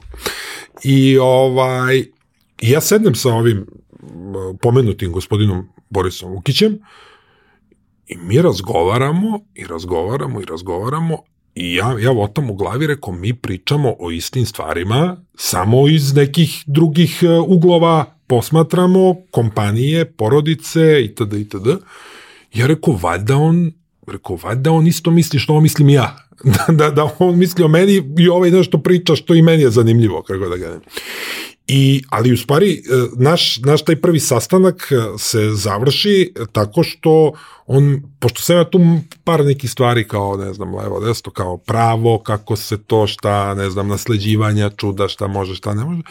A on je tad bio pri kraju završetka svoje knjige, koja se u stvari tiče uh, porodičnih kompanija i na kraju tog našeg prvog viđenja on kaže, jel bi mogu ja tebi ja pošaljem ovaj, ovaj, da pročitaš ti malo ovaj rukopis? I ja rekao, I on mi je to poslao, ja sam tu onako pročitao sa velikim zadovoljstvom, par možda nekih sugestija dao, ali vrlo, vrlo, sve to bilo sjajno stvari. I tu je negde krenuo, krenuo neki ne zaokret, ali možda jedna, jedna onako, uh, jedna, jedna mala, malo, malo skretanje od mainstream advokature, ako mogu tako da kažem. Postoji taj jedan moment uh, koji vrlo često, da kažem, koristimo kao argument, to je da treba koristiti to što rade korporacije i velike firme, jer oni su izmislili sve. Oni su napravili rešenja za svaku stvar, jer su dovoljno veliki da to mogu da isfinansiraju, da imaju resurse, što interno, što eksterno, da kad imaju neki problem, ne znam, nekog, nekog pravnog, neko pravno pitanje, oni mogu da uzmu najbolju advokatsku kancelariju da im to reši. Onog trenutka kad im ona to reši, taj, to rešenje verovatno može se primjeni na još neko, kao i gomila drugih stvari. Oni u suštini mogu da isfinansiraju ono što onda kasnije mogu da koriste i drugi. A nekako se dešava taj trenutak u tom nekom periodu posljednjih desetak godina, da je dosta firmi koje su počele od 90. do danas dostiglo taj threshold da mogu da budu ozbiljne firme i mogu da naprave nešto što nije samo nekakav preduzetnički pokušaj od koga živi par ljudi i to je to, nego imaju neku realnu vrednost, imaju neki, neku realnu intelektualnu svojinu, imaju nešto što ih čini vrlo relevantnim, ali naravno imaju sa sobom i niz nekih drugih nedostataka koje kada si fokusiran na jedno, ne možeš da stigneš baš svim mm -hmm. ostalim da se baviš. A da bi mogao da budeš ozbiljna firma, u jednom trenutku moraš da središ sve te stvari. I to je ono što često pričali, nekoliko puta smo imali u, u, u pojačalu temu nasleđivanja uh, firmi, uh, prodaje firmi gde neko misli da firma ima vrednost zato što ovako sada ima vrednost, ali ta vrednost se zasniva na vrednosti jednog čoveka koji je mhm, vodi. Mm -hmm. Iako taj čovek izađe iz firme, onaj ko dođe da kupi taj auto, kupi mnogo lepu školjku, a motor ostane. Mm -hmm. I to nije to. I sad, u celom tom procesu, upoznajući sve te ljude, jer i ja sam se u manje više istom periodu zainteresovao i krenuo da ulazim u to, shvatio sam koliko to ima vanredno divnih, kvalitetnih, uspešnih, pametnih, neverovatno kvalitetnih ljudi koji prosto nemaju sve resurse koji su im potrebni da to urade, a ako su okrenuti samo ovom tržištu, onda i nemaju baš toliko mogućnosti koliko bi imali da gađaju neko drugo. A da sva ta neka znanja na tu temu koja postoje, jer kao što bi mi sad izmišljali toplu vodu kad ok, kod nas je bio taj diskontinuitet privatnog ali mislim u drugim zemljama nije, možemo da iskoristimo njihovo znanje. Pa ne možemo, njihovo znanje je hiljadu godina unazad. I onda je to vrlo sve, sve specifično. Ti si video tu mogućnost, osetio si da to ima smisla i onda si krenuo malo više da upoznaješ sve te ljude i da zapravo dubinski ulaziš u, u, u temu. Pa, sad, ti si uh, tvoj, tvoj, tvoje uvodno pitanje bi moglo da ima deset vrsta odgovora, je li tako? Ali, ovaj... Ja i, takva i, pitanje postavljam e, Ali evo, jel mogu ja da odaberem jedan put? Obavezno. ovaj, ovaj, ali, mislim, svaki put od ovih deset bi bio, ja verujem, jednako bitan. Ali ono što, ono što i bih nastavio na ono gde sam stao, u stvari, a i nastavno je na ovo tvoje pitanje, šta u tom momentu kada ti upoznaješ nekoga ko se bavi time, je tako? Ili nešto piše i radi na tu temu. I ja sam pokušao da vidim, u stvari, pojmovno i terminološki šta su porodične kompanije i da li je neko pisao nešto na tu temu i da li se neko bavio nasleđivanjem kompanija kao takvih, je tako? I onda sam i onda sam u stvari skapirao da tu nema ništa da se inovira, jer ništa ne postoji.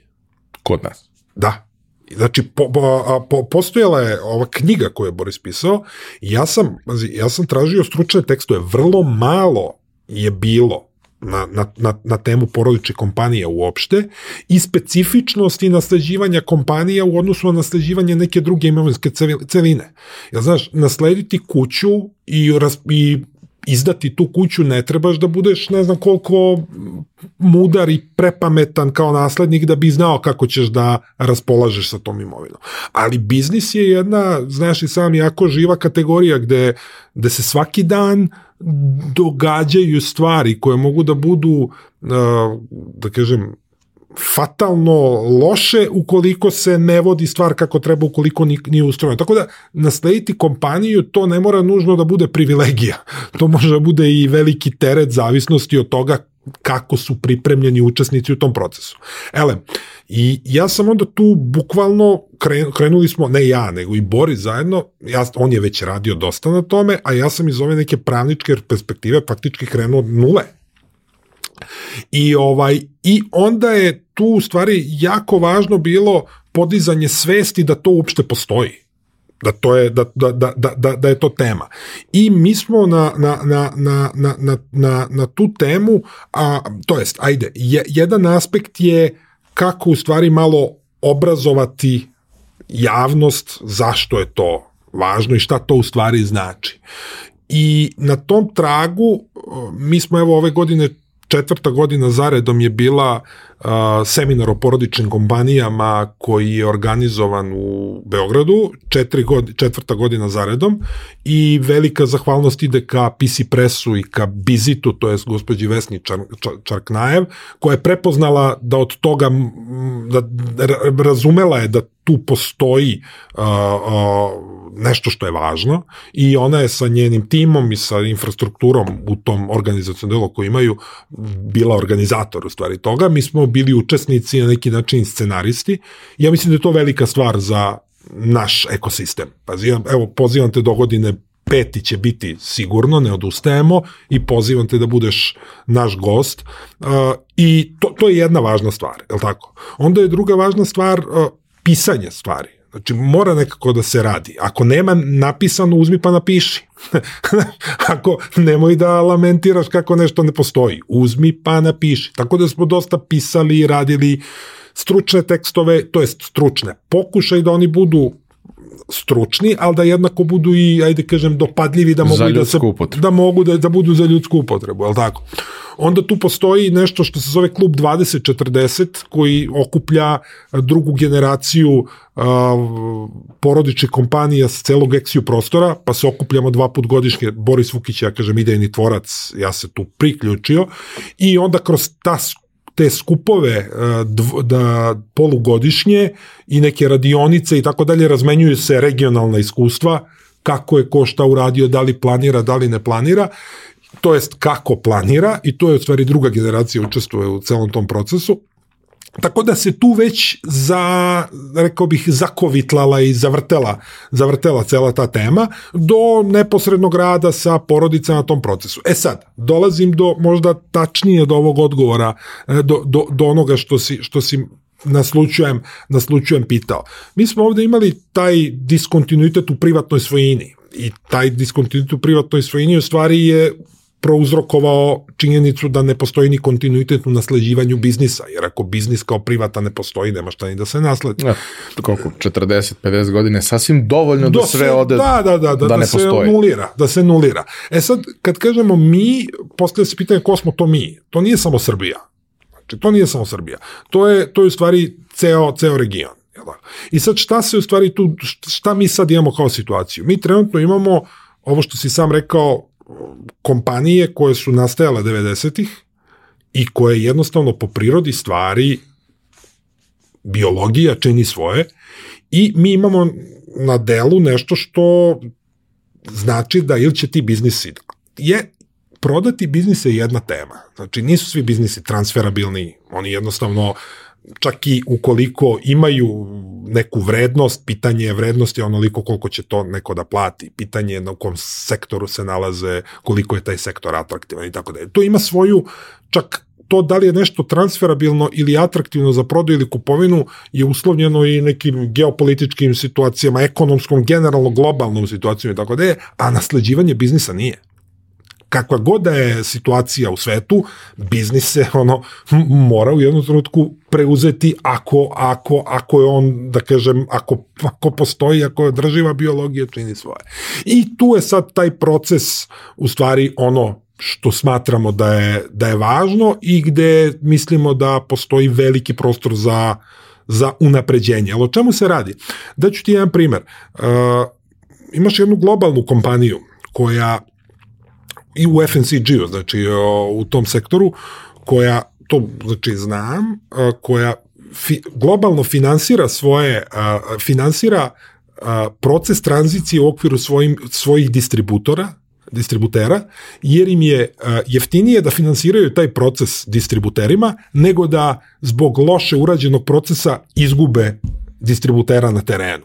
Šta hoću ja kažem? To nasleđivanje biznisa nije samo pitanje uh, jedne porodice i naslednika i osnivača, nego je pitanje jednog, ovaj, rekao bih i celog poslovnog ekosistema. I mislim da čak napraviti biznis bio bih čak slobodno da kažem da je nekad lakše nego ga učiniti održivim i, i prenosivim makar da prvu generaciju. Jer biznis može da se napravi na ludilo, ali da. može da se opstane na ludilo. Upravo to.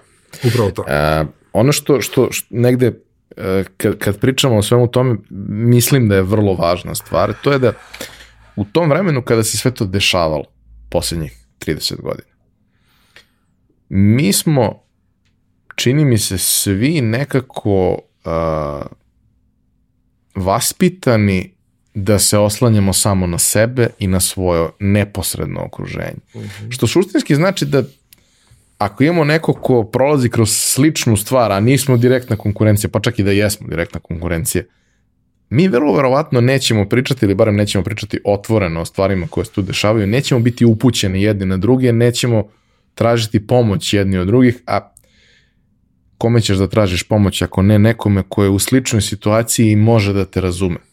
Znaš, to, to je ona varijanta što se meni povremeno dešava kao, ali kao ne, ne obraćaš se porodici za pomoć. Po mojoj porodici, familiji ne postoji niko ko radi bilo šta slično kao ja i za početak ne postoji niko ko je preduzetnik. Uh mhm. -huh. Kako on može da, koliko ja vremena treba da provedem da oslikam ceo kontekst i sve što usto ide, da bih zapravo mogao da dobijem neki feedback koji za mene ima vrednost. To da mene neko sasluša i da mi kaže dobar si čovek i sve će biti u redu, to mene ne znači ništa. Kad imam problem, meni treba neko ko može da mi pomogne. Sad mi dovoljno mlađi smo porušili te neke barijere i, i zidove. Porušili smo barijere između ex-ju republika i mi se svi međusobno družimo i sarađujemo jer mi taj rat vodili nismo. Ali mislim da je kod te generacije koja je u suštini sada ono na kraju neke svoje najveće snage i najboljih perioda i najproduktivnijih perioda u životu, da je kod njih to malo drugačije i malo teže. Znaš kako, o, menja se to u pozitivnom pravcu, ja bih rekao. Jer nije lako razumeti preduzetnika. Pogotovo ne preduzetnika koji je krenuo pre 25-30 godina. Tako. Ja, ovaj, ja, ja, ja imam neku klasifikaciju svoju ovaj preduzetnika, pa onda kažem da postoje preduzetnici iz moranja. Znaš, i, i, ili iz muke. Što baš nije sjajna polazna što pozicija. Što nije sjajna polazna pozicija, znaš. E, e, šta, šta hoću da kažem? Znači, te ljude nikada ne treba, kad, da, kad kažem pocenjivati, nikada ne treba uh, pocenjivati njihov, njihov, ono, njihovo razumevanje pozicije u kojoj se nalaze, ali istovremeno i teskobu onoga gde se nalaze. Pričamo o osnivačima, ali tako? Jer u jednom trenutku se postavlja pitanje kako biti, šta, kako učin, šta učiniti najbolje za kompaniju koju si napravio, a biti pravičan prema deci. Na primer, ako, je te, ako su tema osnivači. I ceo taj, ako pričamo o procesu tranzicije. E, treba, važno je izgubiti iluziju da je to jedan razgovor i kao savetovanje sa nekim i kao Sve evo ovaj imao prethodno iskustvo, da idemo kako si ti to uradio, ono što kažu one size fits all, jedna veličina koja odgovara svima i doviđenja prijatno. Neke svetske prakse govore o tome da, da proces tranzicije ili pripreme za tranzicije traje od 3 do 5 godina A u stvari to traje mnogo duže. Tako. Zašto? Sad ću da možda, možda, možda ti je to zanimljivo čisto da, da razumeš. Mi tu, mi tu gledamo stvari metodološki. Da kažem, znači onako i a to je da postoje kom, postoji kompanija, postoje osnivači, postoje naslednici, postoji porodica. I svi ti, te, te četiri, da kažem, kategorije imaju potrebu da prođu kroz određene pripreme. I da bi tranzicija bila uspešna, i kompanija mora da bude na određenom nivou pripremljenosti i osnivač, i naslednici, i porodica kao celina. I taj proces je u stvari dosta, rekao bih, zahtevan, jer podrazumeva jednu introspekciju, jedno suočavanje sa sobom, jedno suočavanje sa sjajnim stvarima koje su urađeni, ali i sa greškama koje su urađene. Sa nekim stvarima koje ne mogu više da se isprave tek tako lako hokus pokusom. I ono što u stvari mi pokušavamo je da taj proces stavimo u neki okvir koji ne može da bude potpuno unificiran, ali znaš, ukoliko ne postoji određena metodologija i određeni kakav takav put u tom celom procesu, taj proces nikad neće završiti. Zašto? Jer uh, skloni smo da tražimo izgovore da stvar ne uradimo. I onda ne uradimo zato što je nemoguće. Znaš, i tu, tu ili da tražimo uzore gde više živih svedoka nema, kako su to uradili u Nemačkoj. Pa u Nemačkoj su prva, prva generacija, nema više živih svedoka. Sad pričamo o tome kako se prelazi sa šeste na sedmu generaciju. Ali to je, nere, to je, to je i relevantno za ono što se nama događa ovde. I s te strane, ja, imajući u vidu koliko ljudi e, prisustuje na ovim seminarima, koliko je nekim radionicama koje su rađene, generalno koliko ima nekog feedbacka na svu tu temu, ja, moj utisak je da, da, da je emancipan, emancipovanost na prilično solidnom nivou da kažem, ne kažem da je sjajno, ali znaš šta, treba da imamo ilaziju da koliko god mi pričali, šta god radili, mi samo pričamo u kontekstu toga da u porodičnim kompanijama povećamo verovatnoću da će proces biti uspešan. A apsolutna je utopija da kažemo da će u svim kompanijama biti uspešan ili uopšte da će sve kompanije pokušati to da urade pravovremeno dok to biologija ne uradi umesto njih. I da sve kompanije, čak i da urade sve kako treba, mogu da prežive sve što se dešava. To je tek posebna tema, naravno da ne, naravno da ne. Ali radeći na tome povećava se verovatnoća i to značajno. Uh, jedna od tu stvari, mislim, mi smo često je i to negde tema koju provlačimo ovde, ali mi smo istorijski gledano prilično hendikepirani za komunikaciju. Mi ne umemo da komuniciramo međusobno. Mi mislimo da umemo da komuniciramo međusobno, neki se trude, pa su u tome bolji nego što je nekakav prosek, ali u proseku ljudi u okviru jedne porodice ne razumeju pozicije u okviru porodice, ne razumeju šta su čija interesovanja, želje, potrebe. Imamo tu neku situaciju gde se vrlo često autoritet nameće nekom vrstom sile i pozicije, a ne nekim prirodnim putem i tako dalje. I ako to kreće iz tog ono mikroćelije društva, nije mnogo bolje ni u bilo kom drugom aspektu na bilo kojoj visini u tom celom procesu. I onda vrlo često uh, se neke stvari podrazumevaju koji ne smeju da se podrazumevaju, neke stvari se nameću koje nisu takve da treba da se nameću. Ja jesam za to da prosto svako dete treba da zna da škola nije uh, slobodna aktivnost, nego ti imaš obavezu da je završiš. Kako ćeš da se pojem ocenama i to sve, ali kao ako si iz, dete iz uređene porodice i svega toga i nemaš nekakve ogromne probleme u životu, ne postoji razlog da ne završiš školu. To je mm -hmm. neozbiljno je. Civilizacijski je neprihvatljivo. Da budeš večiti student, čega sam Na se primer, ne, daj da. Bože. Ali, ali uh, postoje jednostavno stvari koje nisu nešto što treba nametati. Ne možeš da teraš nekog koga ne zanima nešto da se time bavi zato što valja se. Ne, ne valja se. Pa, Nije evo, dobro ni za koga. Kad si kod nametanja, znaš, ja ću sad iskoristiti ovaj, da citiram jednog osnivača. I, a jedan, jedan te isti je dao dva u stvari a, dva citata koje mogu da apliciram na ovaj tvoj kratak monolog. A, jedan je jedan je ovaj kaže a, ko smo mi da našoj deci namećemo naše snove. Tako. Znači on se to glasno pita apropo ovoga moranja, nemoranja i tako dalje. A drugi apropo razgovora ili ne razgovora i komunikacije ili ne komunikacije, kada se jednom onako isto zapitao, ali glasno, dovoljno da čujemo, pa da mogu da kažem da je stvarno citat i ovaj, je Kaže, kaže, mi se pripremamo detaljno za sastanke sa bankama, sa zaposlenima, sa poslovnim partnerima, sa svim živim.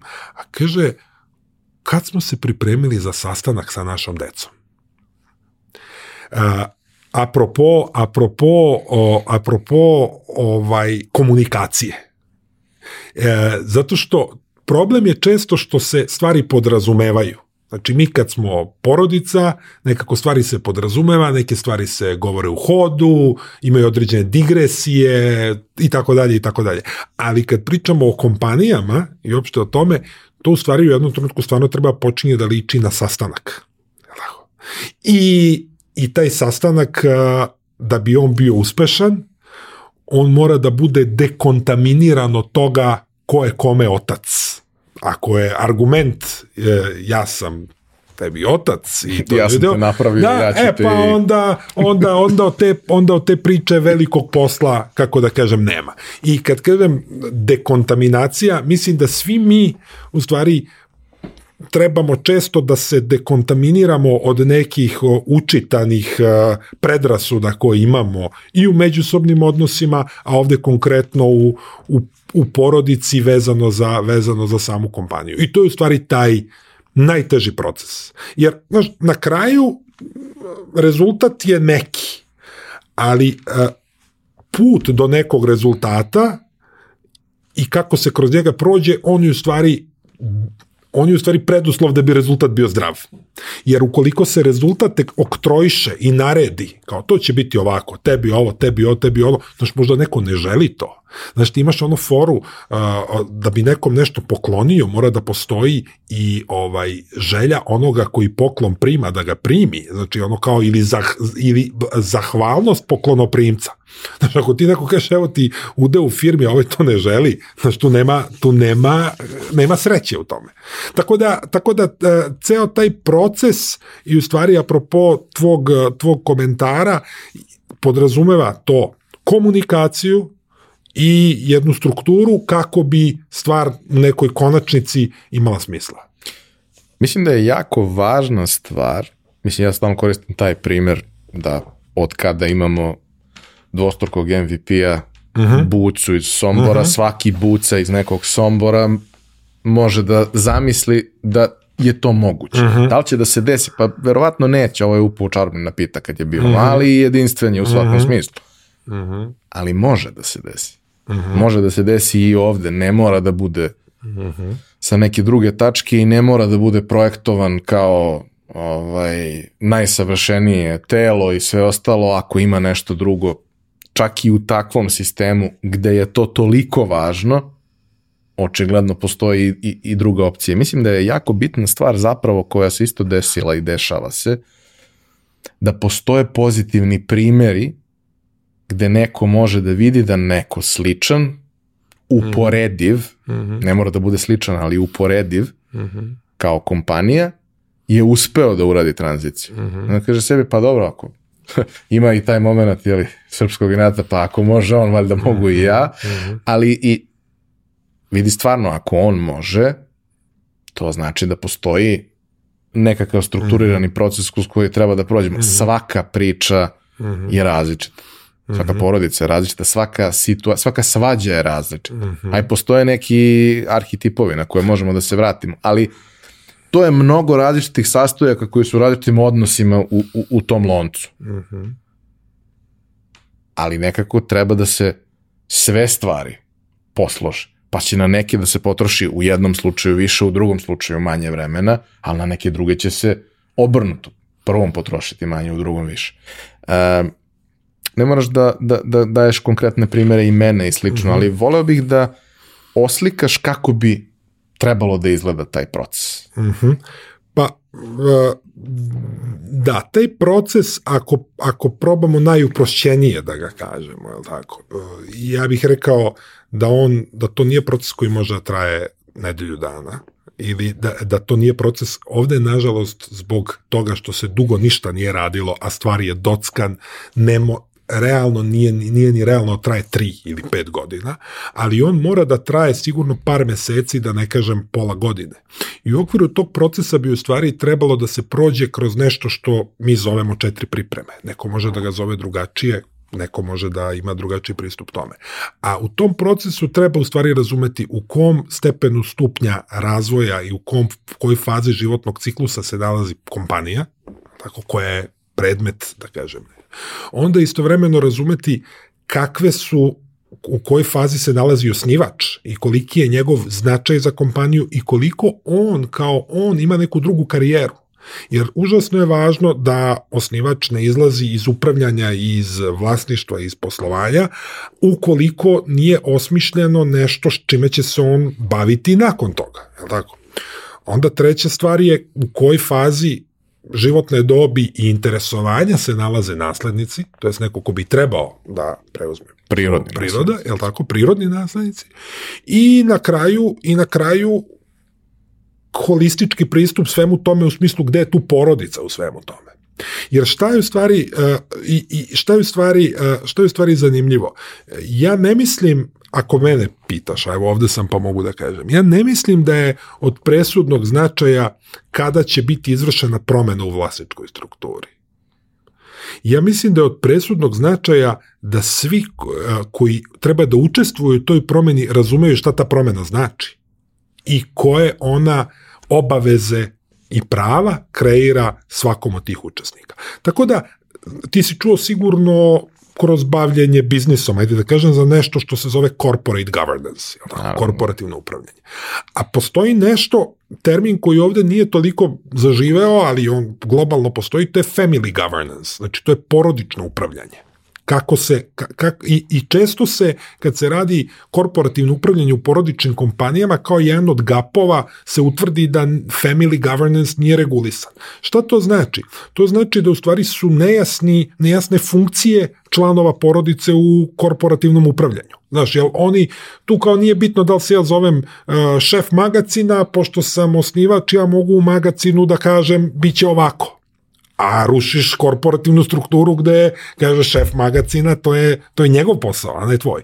U tom celom u tom celom procesu, kažem, razumevanje stepena pripremljenosti o, o učesnika u tom procesu i od suštinskog značaja.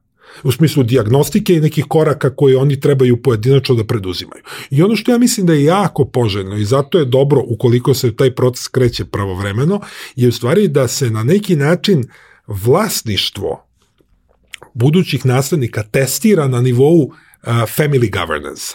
Zašto ovo govorim? Jer jedno je biti brat i sestra, ali drugo je biti poslovni partner. Znaš, možeš sa nekim kao bratom ili sestrom da se slažeš fenomenalno, ali to da li ćete vi biti odlični poslovni partneri, poželjno je da se dobro i ovako slažete, ali to nije dovoljno. I faktički taj deo obrazovanja ili učenja, ono na čemu i ti rekao bih dosta potenciraš kontinuiranog sticanja znanja je u stvari e, deo i procesa tranzicije. Jer tranzicija nije nešto, to nije ono, to je infinite game, to je ono igra igra koja kao ima neki, ali nema ona nikad kraj. Jer ona, ona kontinuirano traje iz razloga zato što i kompanija kao takva živ organizam. A i mi smo kao učesnici u tom procesu živi. Ali ono što je svakako opasno je da svi ovi učesnici, bilo kompanija, bilo osnivač, bilo naslednici, bilo porodica, ne budu pripremljeni i da se dogodi nešto što mi zovemo nagla predaja. Gotovo neverovatni, i ne, ali sigurno neželjeni moment, a to je kad biologija ili neki nesrećni slučaj učini svoje i onda se odjednom niko nije ni zagrebao pripremu i odjednom, a šta ćemo sad? I imamo mnogo slučajeva gde su neke priče koje su delovale neuništivo da, da, da. se raspale u jako kratkom roku jer su izgubile da. bilo kakvu vrstu vođstva i bilo koga koji je bio sposoban da, da donese bilo odluku. šta radi. Da, tu naravno to je od toga i kad pričamo o kompaniji profesionalizacija i tako dalje i tako dalje, ali evo ovo je nekako ukratko ono što mislim da je važno da u tom procesu bude dotaknuto, da ne kažem obrađeno, kako bi se povećala verovatnoća da neki naredni koraci ka tom kontinuiranom poslovanju uh, i, i, i tranziciji budu, budu što uspešnije. Da li možeš da mi daš neke primere koji mogu da budu anonimizovani u potpunosti, ali koji mogu da oslikaju to kroz nekakve realne situacije s kojima ljudi mogu da se poistovete? Pa, e, e, e, znaš kako, ja e, lično izbegavam po cenu da ne budem dovoljno zanimljiv, da budem a, a, u odnosu na ove stvari a, previše anegdotski, a, a, a, da kažem, usmeren. I reću ti, reću ti a, zašto?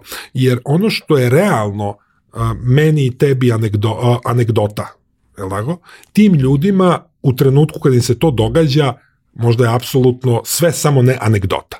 I s te strane nekako iz poštovanja prema, prema, prema celom tom procesu izbegavam taj, taj rizik, taj rizik, a pa, pa se više osvrćem na neke možda pozitivne primere, al tako? Ne, ne, to, to sam negde da, i mislio, jer sve te stvari koje su u nekom trenutku se pojavile kao problem, kada ih prevaziđemo, mm -hmm. budu nešto čega se sećamo ipak sa nekim osmehom, koliko god da je bilo teško. Da, pa tu su, tu su zato, zato evo, ponavljam poziv za, za dogodine, za, za, ovaj, za seminar, zato što na, na tim seminarima su učesnici i porodične kompanije i oni pričaju svoje studije slučaja. Zna. I to je u stvari, e, mi se trudimo da njih motivišemo da iz prve ruke oni dele znanje. Jer znaš, jedno je kada konsultant ili advokat ili neko ili neko učesnik u nekom procesu priča o tom procesu, ali onaj koji je najaktivniji učesnik kada on hoće da podeli to, to je to je najveća vrednost. Ono što ja mislim da je da je ovde važno je da mi već u Srbiji imamo kompanije koje su sprovele taj proces bilo koje dan, danas, danas aktivno rade na tome i ono što je nama jako važno je da te kompanije žele da razgovaraju o tome. To je to Shvatili su koliko jeste, to znači. apsolutno, apsolutno da i tu imamo ne bih sad pominjao imena firmi, na relevantnim kako da kažem skupovima oni sami da kažem se pojave, kažu nešto i tako dalje i to je jako važno. Ono što za publiku treba da bude važno je da to što je nešto urađeno kod jednih na jedan način, to uopšte ne znači da je to primenjivo kod nekog drugog na isti taj način. I s te strane, i s te strane, ali ono što isto mislim ja sam stvarno jako, rekao bih, entuzijastičan. Možda sam ono, možda ima ono, ovaj, ljubav je slepa, pa sam ja nekako, kako da kažem, zaljubljen u ceo taj projekat i zaljubljen u ceo taj uh, plavi okean, da kažem, i taj ne, ne, ne, neverovatno veliki broj, neverovatno sjajnih i javnosti nepoznatih ljudi koji rade fenomenalne stvari u svojim nekim industrijama, u provinciji, svugde. Ovaj, ali, ali, ali taj, taj ceo, taj, ta, a, da, da, ono što se meni sviđa je stvarno, verujem, svedočim tome da ljudi žele da uče. Mislim da je to jako, jako važno. Daću ti evo jedan primer, imenom i prezimenom. Imali smo jedan seminar ili gostovanje zajedno sa našim saradnikom iz uh, Sarajeva u to, to je organizo, or, organizovalo udruženje poslo, poslovnih ljudi ili privrednih društava Jelah Tešanje. Si znaš da je Tešanje? Da, da. A, eto. Ne zna mnogo ljudi, siguran sam. Ali, da, ali mnogo ljudi ne zna, ali to je jedan, jedno opština u Bosni i Hercegovini koja nije velika po broju stanovnika i po teritoriji, ali je izuzetno velika po broju preduzetnika. I mislim da verovatno tamo ima više radnih mesta nego što ima žitelja u toj opštini. I mi smo tamo bili i pričali neke ovako stvari iz segmenata tranzicije i tako dalje. A organizator toga ili deo, jedan iz organizacije bio jedan od uh, uh, gospodin koji zove Zudin Ahmetlić, koji je jedan od najuspešnijih privrednika ne samo u BiH, nego i u celom, celom regionu. Listira na Forbesovoj listi i tako dalje. Znači, rang najuspešnijih poslovnih ljudi i javna ličnost kao takav. Jeli. On je sedeo dva dana i posvećeno slušao šta se priča kao i bilo koji preduzetnik koji je sedeo tu, a koji je verovatno, da kažem, nije na tom nivou kompanije, veličine kompanije. Bez bilo kakve njegove svesti o njegove veličini u odnosu na ostale, kako ja ti kažem. I, i, i, i ton koji je ne samo on, nego svi drugi učesnici tad koji su dali, to je meni bilo fenomenalno. To su ljudi u svojim zrelim godinama, koji, koji su, gde je ovaj gospodin u najavi programa za lokalne i tamo TV stanice u Bosni je kao ovo nam je, ovo nam je, kaže, bitka na sutjesci. Ovo je, kaže, o, ovu bitku moramo da dobijemo. I, i, i, i, i to je, i kao sve što smo uradili do, do, do sada, ukoliko ovu stvar ne uradimo kako treba, e, stvar će biti uzaludna, rekao bih. Tu je isto po meni jako važno da, da se razume da ceo taj odnos nije samo biznis, nego i, nego i porodica i mislim da tu roditelji svoju decu će uvek posmatrati kao decu. Makar bili partneri u poslu, neće moći da se otrgnu od toga, tako da meni je to uvek interesantno da svedočim kako ljudi, koliko god uspešni bili i koliko god velike biznise napravili, u stvari imaju ono, bazične ljudske potrebe, a to je ono da dete bude zadovoljno, da nekako da sve ima nekog smisla. Nezavisno od toga na kraju dana i ko će tu kompaniju preuzeti. Vrlo često u tom procesu ono što se desi kao posledica je i da taj odnos zapravo bude bolji i zdraviji i da se svi ti neki konflikti koji postoje reše jer vrlo često su posledica nametanja nekih stvari koje to dete nije želeo. Da.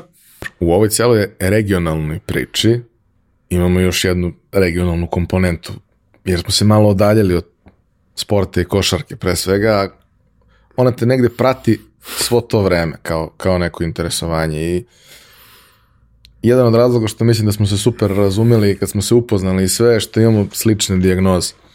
ovaj, I meni je onog trenutka kad je prestalo da bude opcija da se ja nešto bavim time ozbiljno, ostao taj moment posmatrača, ali vrlo posvećenog i strastvenog posmatrača i uvek sam nekako tražio način da bar nekako učestvujem u tome. Najčešće sam išao kroz, da kažemo, neko bavljanje novinarstvom koje je hobi, ali mhm. -huh. jako važan hobi. Mhm. -huh. A ti si sebi odlučio u nekom trenutku da zakomplikuje život malo više, pa ako možeš da podeliš malo više o tom. a, pa pretpostavljam da insinuiraš na, na ovaj ABA ligu, jel tako? Da. Pa da, to je, to je, to je, kako da kažem, oplemenilo ovaj moj portfelj a, svega i svačega vezano za sport, znaš. A ovaj a tome je u stvari neposredno tome je prethodila ovaj prethodilo prethodila ozbiljna povreda koju sam pretrpeo, ovaj pukla mi ahilova tetiva kao Kobe Bryantu, tako da me to onako hrabrilo kao Kobe Bryant, kao što da ne. Ovaj šalim se, ali kao to mi je ozvaničilo kraj i rekreativnog bavljenja košarkom i ovih drugih aspekata. Ovaj i onda sam tri i po godine, pa da, šalu na stranu. Ovaj tri i po godine sam bio u žalbeno veću ABA lige i to je za mene bila velika privilegija. Znam da zvuči kao politički čudno, čudno ali jeste. Zaista ovaj taj poziv koji sam tada dobio sam prihvatio i zajedno sa dvojicom kolega iz jedan kolega je profesor prava i umeđu vremenu postoji ministar državne uprave u, Slo, u Republici Sloveniji, Boštijan Koritnik i jedan advokat Krunoslav Štengal iz Zagreba. Zajedno smo činili, da kažem, žalbeno veće i meni je, meni je to zaista bila onako ozbiljna privilegija, jer jako ima veliki respekt prema generalno sportu kao takvom. I istovremeno ka toj ligi koja može neko da kaže ovo ili ono, može to medijski da bude propraćeno, da kažem, na ovaj ili onaj način, ili da učesnici sami doprinose nečim na ovako ili onako, ali činjenica je da je to liga koja daje direktnog predstavnika u Euroligu, činjenica je to naša kakva god da je, kad kažem naša, mislim regionalna, i da se tu prosto igra kvalitetna košarka, da je vrhunskih igrača izašlo iz te lige u poslednjih 20 godina koliko ona postoji. I meni je to bilo, meni je to bilo čast, zadovoljstvo i odgovornost i mislim, nismo imali previše posla istini za volju, ali kad god je stvar dolazila do nas, to je bilo onako, mm, mm, rekao bih, ozbiljnog posla. Tako da nije bilo previše, ali bilo ozbiljnog posla i to je jedno lepo iskustvo koje je sada ipak iza mene. A, I za tebe i kolege su, da kažem, pre nekog vremena ste odlučili da siđete sa funkcije, a, ali kao tih nekoliko godina svakako bilo je raznih situacija koje su se dešavale, nećemo se baviti njima. Ono što bih voleo je da mi negde kažeš šta ti je ta vrsta iskustva i poznastava i saradnje sa takvim ljudima koji su bez daljnjeg vanserijski dobri u svom poslu i sama činjenica da si deo toga je negde potvrda da ima razlog što si tamo. Šta ti je to donelo? Pa, to mi je u principu donelo jedno profesionalno iskustvo. Znači, to je to iskustvo rada tu je onako, nije ono sportsko, znaš, ono je ipak, mi smo tu bili kao pravnici, a ne kao ljubitelji sporta. Tako da tako smo i posmatrali stvari koje su događale.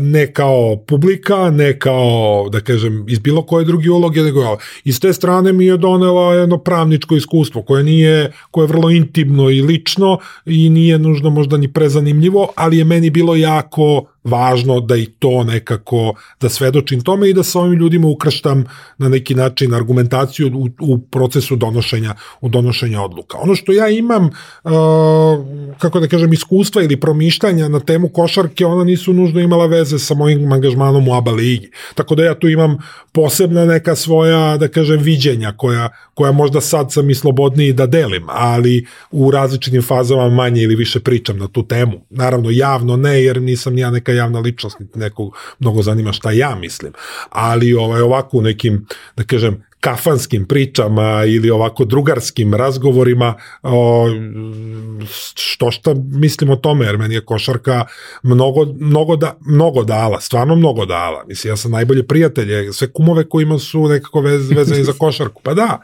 i to je meni, to je meni jako važno i te odnos pobeda, poraz, kolektiv, timski duh, prvi pasoš sam izvadio kad sam trebao da putujem e, na neki turnir u Mađarskoj, mislim, e, i prvi put sam sa košarkaškom lotom izašao iz Srbije. Tako da to su meni ne, nezamenljiva iskustva, ja mislim da smo svi mi, pa i ti sigurno, i svi koji pričamo glasno o sportu na nenavijački način, e, jel tako, ja mislim da mi svi to u stvari radimo iz jedne ono najfundamentalnije ljubavi. I mislim jedne ono ono kao jednostavno volimo, volimo to, valjalo nam je u nekoj fazi života, učinilo nam je živote plemenitijim i nekako osjećamo da imamo pravo da ponešto i kažemo na tu temu. I odrastajući ovaj, upućen na one ljude na koje smo mi bili upućeni gledajući Naravno. u reprezentaciji, nije bilo baš pretarano teško da se zaljubiš Tako je. neizlečivo. Tako je. I u košarku i u mnogi drugi mnogi sportove, sportove koje, da jer, koga je šta zanimalo. Ali ono što bih voleo je da podeliš neka svoja razmišljanja o svemu tome, zato što, uh, ok, imao si tri i po godine kada si bio deo toga, ali nisi bio to na način na koji je potrebno da ispuniš tu svoju potrebu da budeš deo košarke, da učestvuješ na neki način, malo više da. ne samo kao posmatrač. Da. Lepo je biti posmatrač, pa, da se razumem. Ali kada imaš i neku vrstu uticaja na stvari koje se dešavaju, kada imaš priliku da kažeš ideju koju će možda neko čuti, možda neko isprovesti, onda je to mnogo lepše. Da, pa, znaš kako, ja sam, ja, a, i, e, nisi me pitao, ali ću ti odgovoriti za čim žalim. Postoji jedna stvar za, za kojom profesionalno i, i lično žalim koja mi prva pada na pamet, a nema veze sa porodičnim životom, nekim baš ličnim, ličnim stvarima, više ima veze sa poslom. Ja sam pre jedno osam godina a, a, za svoju dušu pisao neki projekat o tome kako od Košarkaške lige Srbije napraviti razvojnu ligu. I to je neki dokument na dve, tri strane i ja sam njega delio u nekom užem krugu ljudi koji imaju veze sa sportom. Nije tu bio loš feedback. Tako. Međutim, ja žalim što ja taj dokument nisam predao u Košarkaški savez pravnik i u Košarkašku ligu Srbije i dobio zavodni pečat I, eko, e, i onda i ja, ja mislim da bi ja time svoju ovaj misiju naravno, volio bih da se to provodilo, ali ja to nisam uradio. I to, to, to je ono što mi je žao. Ono što ja mislim da u suštini mi a, zaboravljamo, a, previše se bavimo tome da li je reprezentacija napravila neki uspeh ili neuspeh. Ja, ja, ja stvari malo posmatram drugačije. Ja mislim da mi imamo, a, mi trebamo sport kao sport prvo da volimo zbog igre, a ne zbog pobede i poraza. Pobeda i poraz dođu, dođu na nekom kraju. S druge strane, ti reprezentativci, oni su nekad bili deca. Ko će nam biti reprezentativac za 10 godina, zavisi od toga koja deca se danas bave tim sportom. Znači ja... I sa kojim motivima sa to kojim rade motivima, i sa kojom strukom rade na tom. Sve pomalo, tako je, tako je. Tako da s te strane mene sada iz ove perspektive uh, uspesi ili neuspesi u nekom konačnom smislu niti razočaravaju, niti me impresioniraju. Ono što bih ja voleo je da naša deca, da kažem, dobijaju veću šansu. Kad kažem veću šansu, mislim u tom formativnom periodu od 16, 17, 18 godina, kao kad je nas u Zrenjaninu Kosta Jankov sa 16 godina, a pazi, a imao je u timu Nebojšu Bogavca koji je posle bio reprezentativac, imao je godinu dana ranije pre nego što pre, ja se tad još nisam bio priključio u seniorsko sastav, da, pa da imao je Luku Pavićevića. On je, pored takvih imena, pa i Miroljuba Mitrovića koji je bio veliko ime u staroj Jugoslaviji, Luku Pavićević, on je pored takvih imena nalazio prostor da ispromoviše neke momke od 16-17 godina i da i da šansu. Uh, ja to sad ne vidim i ja to ne očekujem da će na nivou ovaj Evrolige biti moguće, ali makar može na nivou Košarkaške lige Srbije. A mislim da se ni tu ne ostvaruje to dovoljno I to je ono što mi je, to je ono što mi je žao. Verujem da stvar može da se promeni. Mislim da isto Ivane, ono otvoreno da ti kaže, mislim da mi malo ovaj e, malo i organizaciono kaskamo za nekim stvarima. Mnogo. E, znaš, i ja bih volao i tu, da kažem, da, da vidim neke pomake, ali istovremeno postoje ljudi čiji je to posao, pa verujem da kako da kažem, da je njima više stalo nego meni kao publici, ali, znaš, mene zanimaju dosta mali tereni, znaš, ja kad sam u Beograd došao nije me zanimala samo Marakana i Pionir, me su zanimala i Šumice, me zanimala i, uh, znaš, ma, ma, male hale, mali tereni. I pre par godina sam bio u Nemačkoj, moj prijatelj je tamo trenirao jedan mali košarkaški klub u regionalnoj, to je neka treća liga, I meni je to, na primer, bilo, ono, ja sam, stal, više mi je stalo bilo, znaš, išao sam da gledam i svetska prvenstva u košarci evropska, ali ovde mi je bilo stalo da gledam mali, mal, mali grad, mali klub. I zašto već negde postoji? Mi moramo to malo da preslikamo, moramo malo da organizacijalno uzmemo najbolje. Nije, sport je sportistima u redu, ali neke stvari moraju da izguraju ljudi marketing, marketingom mora da se bavi neko ko znam nešto o marketingu. Je tako? I hoću da kažem, malo tu mora da se, ja bih rekao, na nekim nižim nivoima. Jedno je, lako ćemo mi za Zvezdu i Partizan. Baš lako ćemo mi za reprezentaciju.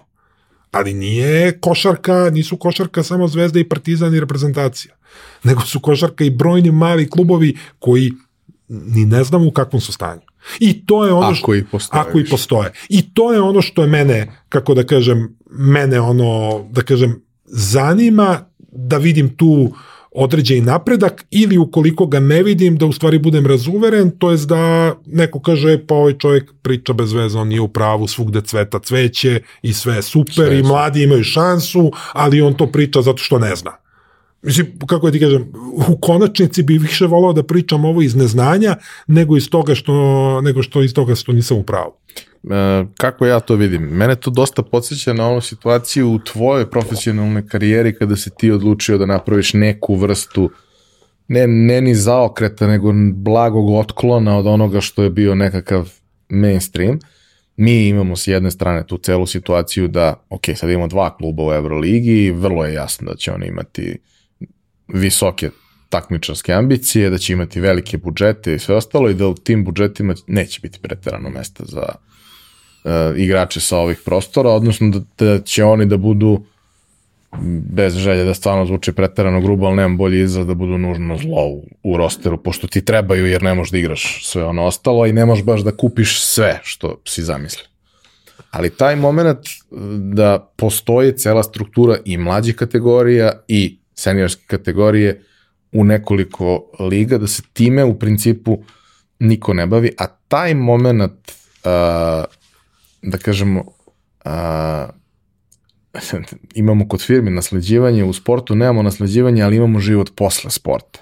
Uh mhm. -huh. koji često dođe prekasno, uh mhm. -huh. koji često dođe u trenutku kada uh, nakon dosta godina nebrige o bilo čemu, koji često dođe tako da možda neko ko uh, voli to što radi i samo to zna da radi, onda to radi duže nego što bi trebalo i na kraju dana upropasti sebi život zato što je ostao u nečemu u čemu nije dovoljno dobar i ne može uh -huh. da mhm. uradi to što treba. Mhm. -huh. A vrlo često, kažemo, ti ljudi koji su deo tih organizacija, čak i kad imaju najbolje namere, ajde da, da računamo da imaju svi najbolje namere. Oni su unutra. Mhm. -huh. Oni ne mogu to da sagledaju na neki pravi način. Oni naravno znaju i koje su ograničenja svega koje mi ne znamo jer gledamo to sa strane, ali kako je izgledalo kako, mislim, bar neke detalje podeli od toga šta je bila tvoja ideja, kako bi stvari mogle da se dugoročno Pa vrate ovo, na neki ovo je kolosek. jako važno, znaš, ja, ja, ja sam ipak, ja sam došao kod tebe u goste, ali ja nisam neka javna ličnost i nisam, neko, nisam neki policy maker i nemam čak ni te ambicije, niti imam taj mišić da to sprovedem, naravno. Ali, ovaj, ali kad me pitaš nekako, onda kapiram da je ljubazno da, da odgovorim. Ovaj, ja zaista mislim da mi moramo da se suočimo sa tim da kod nas se predugo ostaje u nečemu što se zove profesionalni sport, a primanja tih ljudi, momaka, nisu adekvatna, a, a, Osim ako nisu na ako najvišem nisu na najvišem nivou i kako i kada s njima iskomunicirati i reći ljudi enough is enough, ono kao o, napravi prostor za mlađeg, a ti, čovječe, nije sve sport, daj malo da pričamo o drugoj karijeri, daj da pričamo o tome šta je doškolovavanje, šta je školovanje, šta je život. I to je jako osetljiva tema koju ovde ovde se ona ovde se ona ovde ona potpuni tabu. Ja ne bih da neće budem prvi da kažem neko će ovo gledati koji će nužno da pokreće tu temu. Ali ovde to karijera posle karijere i šta se radi posle tu to je to, to je to, o tome se ne razgovara uopšte i onda ti vidiš primere ti vidiš primere globalno da kažem imućnih i uspešnih sportista koji relativno brzo posle karijere dođu u neke ćorsokake jel tako? A zamisli one koji su bili deset puta neuspešniji. Zamisli koliko tu ima, ajde da kažem, socijalnih slučajeva koji iz svega toga nastaju. I ja mislim da, mislim da ko, ko ovde krene da se bavi tim KPI-evima, da, da, da, da, da postavlja neke nove, da nije sve u sportu da li si pobedio ili si izgubio, nego i ko si ti. Znači, znaš šta mi previše, ja mislim, često sebi dozvoljavamo. Svako od nas, i toga sam se ja bojao i dalje se bojim. Mi previše dozvoljavamo da da nas uh, i definiše ono čime se mi bavimo. I da nam to bude, to je jedan deo nas, ali to nismo mi. Znaš, ja, ja sam advokat, ali nisam ja samo advokat. Ili neko je doktor, nije on samo doktor. Znači, u tom smislu i ti ljudi, oni su sportisti, ali nisu samo sportisti, oni su prvo bili ljudi, pa su onda postali sportisti, a posle sporta treba opet da budu, da kažem... Samo ljudi. Samo ljudi. I, i, to, je, I to je jako, jako bolna, osetljiva tema, ovaj, jer, kažem ti, pogotovo što ne možeš, ako neke stvari ne naučiš kad, kad im je vreme ili ne naučiš da učiš, teško je vratiti nekoga ko je sa 30 godina u školsku klubu. Al tako? A teško ga je i ubediti da je u redu da on je ima predstavu o sebi kao sportisti, ali da sad na kreće negde od nule i da kreće sa nekog šaltera ili iz neke fabrike ili iz neke proizvodnje. I mislim da tu taj, taj, taj, taj prostor je duboko uvezani sa onim kada ljudi prestaju da igraju. Jer nekad ja mislim da je u redu i pre, evo ja sam prestao. Mislim ne kažem, ko zna šta bi, možda bi bio, možda ja ne bi bio ni blizu nekog vrh, ne bi sigurno bio vrhunski, da se razumemo. Ali je bilo nekog preduslova da se bavim time. Ali neku odluku sam doneo, neko drugi je dobio više prostora, ali se ja sklonio i ja sam dobio nekog drugog prostora i nije se tu, nije tu kraj, kraj sveta bio a ne znam, ono, bio sam na nekom širem spisku neke kadetske reprezentacije, tako da je potpuno efemerno i nebitno sada. Ali prosto smatram da je to jako, jako važno da se ta tema u nekom trenutku pokrene i mislim da, mislim da je ona neizbežna i da je ona društveno važna, a ne, nije važna samo za pobedu i poraz nekog kluba. Mislim da to promišljanje koje ti imaš i način na koji razmišljaš o tome, kad smo pričali o, o specifičnim stvarima iz tog, tog nekog predloga, plana i svega, to je meni bilo jako interesantno zato što uopšte ne dolazi sa mesta sporta, nego sa mesta života i nečega što treba da bude održivo i što treba dugoročno da da neki rezultat. Pa, što ne gleda se trenutno šta će da bude, nego šta će da da rezultat za 10 ili 15 godina. Jeste, to je to je meni tad bilo zanimljivo, kažem ti, ali davno je sad to bilo, ja sam to tad napisao, ostala mi je više kao neka ovako anegdota, imam par svedoka, mislim papir postoji, papir postoji, peča, pečati ne postoje, ovaj, ne mogu da krivim nikoga što ništa od toga nije urađeno, jer formalno nikom nisam to ni predložio, tako da to je moja greška, ali imam nekoliko svedoka s kojima sam komunicirao to i to je, kako da kažem, više ovako, Znaš, ovo je kao, kao, ne znam, da si ti napisao neku lepu ljubavnu pesmu koju nikad nisi objavio. I sad, kako ne, da kažem... Ne, ne moraš ni da je objaviš, ali moraš da je daš osobi za koju si napisao. E, pa to, aj, e, a, e, jel tako?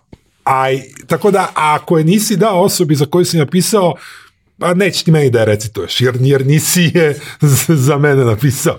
Tako da hoću da kažem, ovaj, a, to, je, to je negde moj osvrt na, na, na, na, na tu situaciju. Ono što, što negde isto gledamo često kao m, vrlo značajnu kat, kategoriju svega i gde postoji veća svest o tome prethodnih 15 godina, to je da zapravo taj sport, on ima razne komponente kroz koje utiče na život jedna od njih ako se bavio profesionalnim sportom, čak i da je sve ok, tvoje telo nije kao telo osobe koja ima toliko godina. Verovatno je značajno starije i značajno izmučenije, jer prosto to je uslov toga čime se baviš. Ali taj sport za mnoge otvara onu mogućnost da, a, iako vide da ne mogu da budu van serijski uspešni, što je dosta teško ono, pomiriti se sa tim, shvatiti to, naročito ako imaš ljude sa različitih strana koji ti govore da neki ti kažu da ne možeš, a drugi ti kažu da možeš, pa ti mhm. biraš koga ćeš da slušaš. Ali taj sport otvara mogućnost da možda završiš neki vrhunski fakultet, da odeš i da proputuješ svet, da možda ne zaradiš nekakve ogromne novce, ali da zaradiš neke novce, samo ako možeš realno da sagledaš svoju situaciju u tome, iako znaš šta hoćeš da radiš sa sobom za 5, 7, 10 godina. I da to ne bude nešto po svaku cenu, nego nešto što je deo nekog većeg plana. Pa opet može da se desi da se taj plan poremeti jer Ali složit ćeš se takvih primjera u, u Srbiji sad već ima dosta, uh, sjajnih mamaka i devojaka koji su, ono što kažu, iskoristili sport kao polugu za obrazovanje, tako da čak i u nekim, uslovno rečeno, manjim sportovima, uh, ovaj, koji su, na primjer, u koleđu zastupljeni u određenim, da kažem, državama ili određenim, to tako da ti imaš ljude, momke koji su odavde igrajući vaterpolo, završili sjajne koleđe u Americi, jer se, ne znam, igra u Kaliforniji i tako dalje, onda je ženska odbojka pre svega da, da. je velika tamo, je tako? ok, muška košarka svakako i tako dalje. Tako da da, mnogi su te, te, te, te stvari uspeli da uvežu u pravom trenutku i da kažem na kraju dana nekoliko momaka koji se vratilo i igralo u Srbiji, ne znam, su studirali u Americi i tako dalje. Tako da ja apsolutno se slažem sa tobom. Ja sam ti rekao na početku kad si me pitao, mislim, meni je ovaj ceo taj kontekst ako je tema sport, mislim, ta prijateljstva koje su tu stečena i to što ja mogu o svakom od njih pojedinačno da ti pričam neke priče, to je negde meni mene opredelilo u tom nekom delu i ono smatram da ne planiram da odustanem od voljenja a, a, sporta, samo ga sad volim na malo drugačiji način. I ne verujem ti kad kažeš da ti, ni, da ti nisu važni rezultati, jer mislim da je svima važno šta će da se desi za mesec i po dana i da svi to željno iščekujemo kao neku krunu jedne generacije koja nam je vratila veru u sport koji volim. Kad kažem nije mi važno, više sam mislio u kontekstu toga da, da, da, da ne trebamo da, da porazom ili pobedom pokrivamo nešto što postoji mimo tog poraza i pobede, a to je ono šta se događa u toj bazi. E, dobro. Da se vratimo na ono što je posao. Uh -huh. e, Ja bih svakako preporučio svima kojima je ovo što pričali bilo interesantno i prosto uh, način na koji ti gledaš na ove stvari bio zanimljiv, da te zaprate na LinkedInu, zato što zahvaljujući ovaj, uh, tim nekim tvojim postovima koji mislim da nisu svakodnevni, ali su redovni, ja ponovo imam taj ritual da idem na LinkedIn, da čitam šta ljudi pišu, zato što sam u jednom periodu bio dosta selektivan po tom pitanju jer je to postala ono mreža puna nekih plagijata i koje čega i prevođenja stranih e, statusa koje sam već negde video i mnogo nekih neiskrenih priča, a ono što ti izbacuješ ta, ta zrnca ovaj, koje su redovno na tvom profilu su zapravo nešto što je meni jako blisko, jako zanimljivo i jako mi je dobar način da sa tim počnem dan, sa tom nekom dozom glavolomke, inspiracije ili šta je već taj dan spremno. Tako da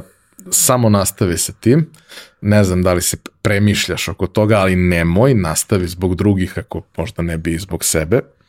A ono čime bih volio da, da ovaj razgovor zaključimo uh, je zapravo uh, kako smo se mi upoznali. A mi smo se upoznali preko zajedničkog prijatelja i kolege koji je bio gost u Pojačalu, uh, Dušana Basala, koji je pre nekih godinu i nešto a, pokrenuo platformu and Fox koja ima za cilj da a, omogući ljudima koji su u potrazi za govornicima za konferencije da pronađu te ljude, ali ono što ja negde vidim kao mnogo važniji aspekt svega je taj a, odnos da na jednom mestu imaš brojne neke jako interesantne ljude sa vrlo zanimljivim karijerama i profesionalnim rezultatima koje možeš da um, angažuješ da ti budu mentori.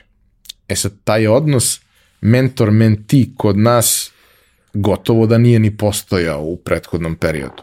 To je bilo možda na nivou nekog incidenta ili se dešavalo da neko ko je strani đak, ko je tamo imao priliku za tako nešto, oseti potrebu kada se vrati u Srbiju da nastavi da gradi to, ali to je bilo na nivou neke lične inicijative, nije bilo institucionalizovano na neki način, a zahvaljujući našem drugu Duletu mi to sad imamo i sad i ti i ja smo mentori na platformi u različitim oblastima prirodno, jeli? Ovaj, ali e, meni je to mnogo važno. Meni je to mnogo važan deo mog profesionalnog rada. Kroz platformu individualno vrlo često ću naći vreme za nekog, iako objektivno kad sve stavim u Excel, ja ne bi trebalo da imam to vreme za tu osobu. Ali zbog tog verovanja u, u, u potencijal i u ljude, naći ću vreme. A, tako je manje više postavka sa svima. Svi mi imamo pametnija posla, ali biramo da to radimo zato što nam je važno. Kako ti gledaš na to i kako ti uopšte vidiš e, svoju ulogu u celoj priči? Pa za početak, pošto si ti spomenuo LinkedIn, moram da napravim jednu kratku referencu na to. E, ja nemam a, Facebook, nemam Instagram, nemam Twitter, nemam šta još ima, TikTok, je li? Sve to. Znači, nemam ništa. Znači, ja sam, ovaj, ja, ja a, ne postojim u tom svetu. Ima samo LinkedIn. I to je verovatno problem, jer da imam nešto drugo od ovoga, znaš, tako da ja ne znam da li ja u stvari na pravi način i koristim LinkedIn. Možda ga koristim ko Twitter, možda da imam Twitter ne bih ga koristio. Ali u svakom slučaju, a, a, a, ajde da kažem, nisi prvi koji nešto pohvalno kaže na tu temu, ali ja svaki put mislim da me zafrkava taj ko to Ne. kaže. Ne, ali, ok, ali ja stvarno mislim, znaš, ono, i, i ovaj, a, a, a, a u stvari sve je krenulo, a, prvi, prvi post na LinkedInu sam objavio onda kad smo najavljivali prvu, prvi seminar o porodičnim kompanijama. Pre toga sam imao LinkedIn godinama, ali nikad ništa nisam puštao, jer stvarno držim da irelevantnih stvari ima puno. I onda prvi put kad sam mislio da nešto kao relevantno imamo da kažemo, evo kao prvi seminar o porodičnim kompanijama, to je bio moj, moj prvi post. I ovaj, nakon toga sam krenuo malo češće da pišem, ali sam u poslednje vreme malo možda i preterao, Ne, a, a, dobro. ali a, tako, da, tako da ti je dobar, a, dobar osjećaj bio da, da, da možda i razmišljam da malo ovaj povučem ručnu, no u svakom slučaju meni je to bio neki zanimljiv način tog komunikacije, ako mogu tako da kažem. Ali moram da ti kažem tu jedan uvid. Što je, a, a, a, ljudi su, ljudi ne vole ozbiljne stvari ljude zanima u principu da je nešto funny, goofy, da ovo, da ono i tako da. I to mi iskreno nije nešto, znaš, ja nisam neki ono joker, ono, pa sad kao da ja nekog trebam da zabavljam, razume. Ja pokušavam da u nešto što mislim da je možda zanimljivo ubacim stvarno neki kontent, pa da onda probam da podvalim uh, kroz neku Point. foru, neku poentu, razumeš, ali to nije lako, ljudi, ja to nisam znao, znaš, treba to ipak, jel, kad hoćeš da budeš kao iole zabavan, pokušavaš, iole, ti u stvari hodaš po ivici. Ta ivica je nezgodna, možeš nekog da uvrediš, možda ispadneš nezanimljiva, pokušao si da budeš zanimljiv, pa je to negativan efekat i tako dalje. Ali ovaj, ja sam malo odlučio da se kockam s tim, pa sam onda eto kao nešto piskarao na, na neke teme s vremena na vreme i I to, i onda verovatno kao rezultat toga tu je možda negdje i Dule ukačio da postojim delimično i vezano za to. A ovo za Tox and Fox kao konkretno pitanje, ja stvarno kad kažem da mi je da mi je čast i zadovoljstvo, ja stvarno mislim da mi je čast i zadovoljstvo i odgovornost, jer kad me je Dušan zvao i upoznao me sa kontek, konceptom i upoznao me sa ljudima koji, to jest, ne, fiz, ali rekao mi ko je sve učestvuje u tome, na kakav način, nemam ja percepciju sebe kao nekoga kome je baš obavezno mesto tu. Najiskrenije ti kažem. Znači, nemam ja, niti, niti sam i dalje siguran da, da, da mi je obavezno mesto tamo. Ali kad sam već pozvan, skapirao sam da neko drugi to misli da je to u redu, pa rekao, aj sad nekako ne treba ni preterivati u nekom defanzivnom odnosu prema takvim stvarima. Tako da ja na to gledam kao jedan onako važan mali deo mog bivstvovanja i mislim da će to kroz vreme dobijati na značaju, ne ja kao ja, nego koncept kao koncept i duboko verujem u ispravnost istog, e, pogotovo što su neka, neka nišna znanja e, tu stavljena e, na, na sto i nekako mislim da ta mogućnost da ako već nešto znaš ili neko misli da znaš ili kako god to definisali, pa možeš da podeliš pa da utičeš na nekoga mislim da je to jako važno. Mislim, evo da, daću ti jedan primer, nije direktno vezan za Tox and Fox, ali je vez, vezan za davanje i vezan je za činjenje, a vezan je i za LinkedIn. Nedavno mi je stigla poruka jedna na LinkedIn i ona je bila otprilike, da sad ne čitam, ali, ali odbila je dobro jutro, dobar dan, ne znam da li me se sećate, bila sam kod vas na intervju pre 10 godina i kao nisam prošla na intervju, ali ste me preporučili jednoj firmi i kao tu radim već 10 godina i jako sam zadovoljna i puno vam hvala i ne znam, vi ste, ja, ja vas pamtim kao jako pozitivan lik u mom životu. I to je poruka koja je meni ono, potpuno je da kažem, ja stvarno tu, tu koleginicu nisam, ja sam vidio na razgovoru tad za posao, mislim da je bila dobar kandidat, bilo je posla samo za jednog kandidata, ona nije dobila posao, kad su me iz jedne velike ozbiljne multinacionalke pitali ja si imao nedavno nekoga, ono ja sam rekao imao sam to, nazvao nju, pitao je u redu da vaš CV prosledim tu i tu ili da vi pošaljete na tu i tu adresu, mislim se, no? ona rekla ja sam, ona je deset godina tamo. Šta hoću da kažem? Činjenje mlađima, činjenje kolegama, činjenje nekome ko želi da mu bude učinjeno.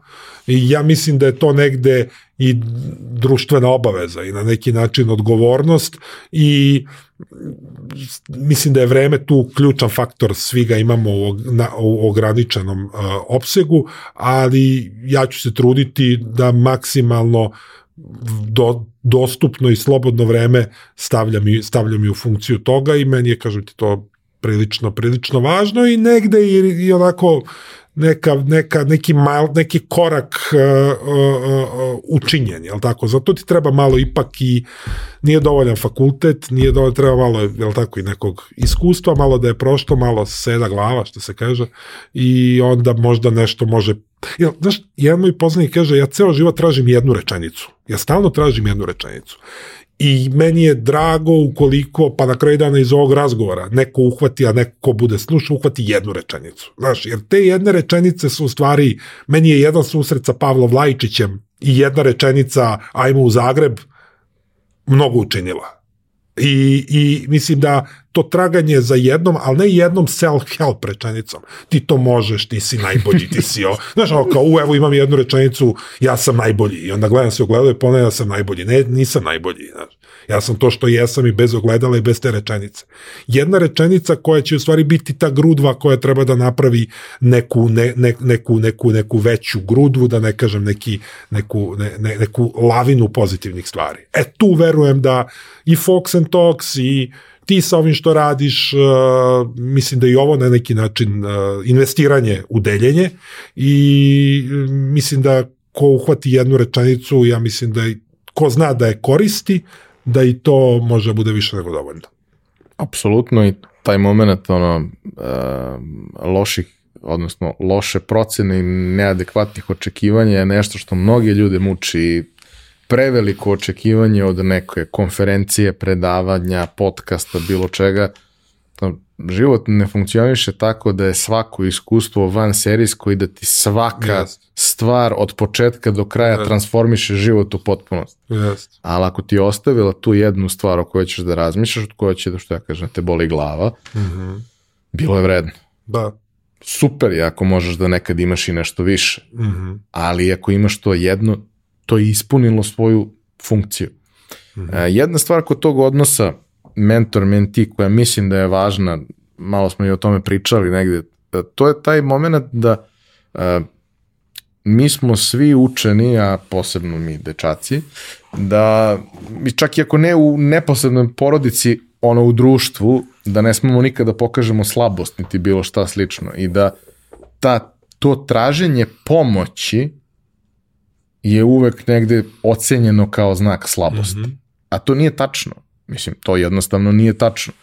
Ti ovde angažuješ nekoga i kontaktiraš nekoga da ti bude mentor ne zato što si ti slab i ne možeš, nego zato što život e, i traje konačan broj -hmm. dana, godina i svega i ako neko može da ti prepriča i da ti pojasni i da ti skrati neke stvari, da ti destiluje neke stvari, da ti na kraju dana potvrdi ili opovrgne ideju da se fokusiraš na nešto, zašto to da ne iskoristiš? I mm -hmm. to je u principu najveća vrednost tog nekog odnosa. Naravno, postoji i dugoročni mentorski odnos gde neko tu da stalno pričate o nečemu i da te provodi, da zajedno prolazite kroz neke faze, jer ih je on prošao, a ti tek treba da ih prođeš, pa znači negde da imaš tu vrstu uh, feedbacka stalno šta se dešava ali mislim da ta, da ta vrednost i ta promena mindseta na kojoj svi zajedno radimo kroz sve ovo što, što radimo, svako u svojoj oblasti i svako čoveka po čoveka na kraju mm -hmm. dana, da to može napravi jednu ozbiljnu društvenu promenu u, u perspektivi.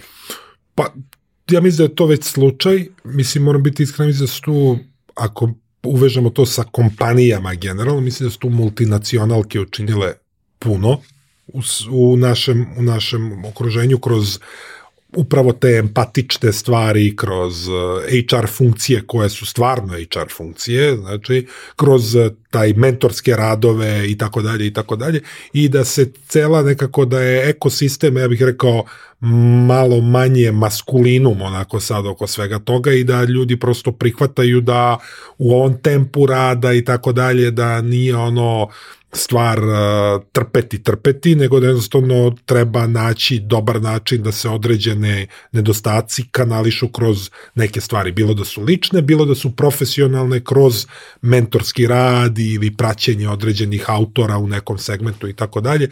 Tako da ja duboko verujem, možda sam oko nekih stvari suzdržan, ali duboko verujem da, da, da, da su ogromni koraci u nekoj emancipaciji napravljeni i da mislim da mi isto imamo imamo obavezu da malo obojimo stvari pozitivno. Znaš, najlakše je ono posipati se pepelom i kao ništa ne valja, ništa ne valja, ne valja ovo, ne valja ovo, ne, ukazivati konstantno na neke nepravilnosti i tako dalje. Ja sam skloniji tome da se ukazuje na pozitivne primere. Jer što više ukazujemo na nepravilnosti, mi samo uviđamo kao koliko toga postoji, ali ajmo da pričamo o pozitivnim primerima i onda ajmo da lista pozitivnih primera pobedi listu negativnih primera.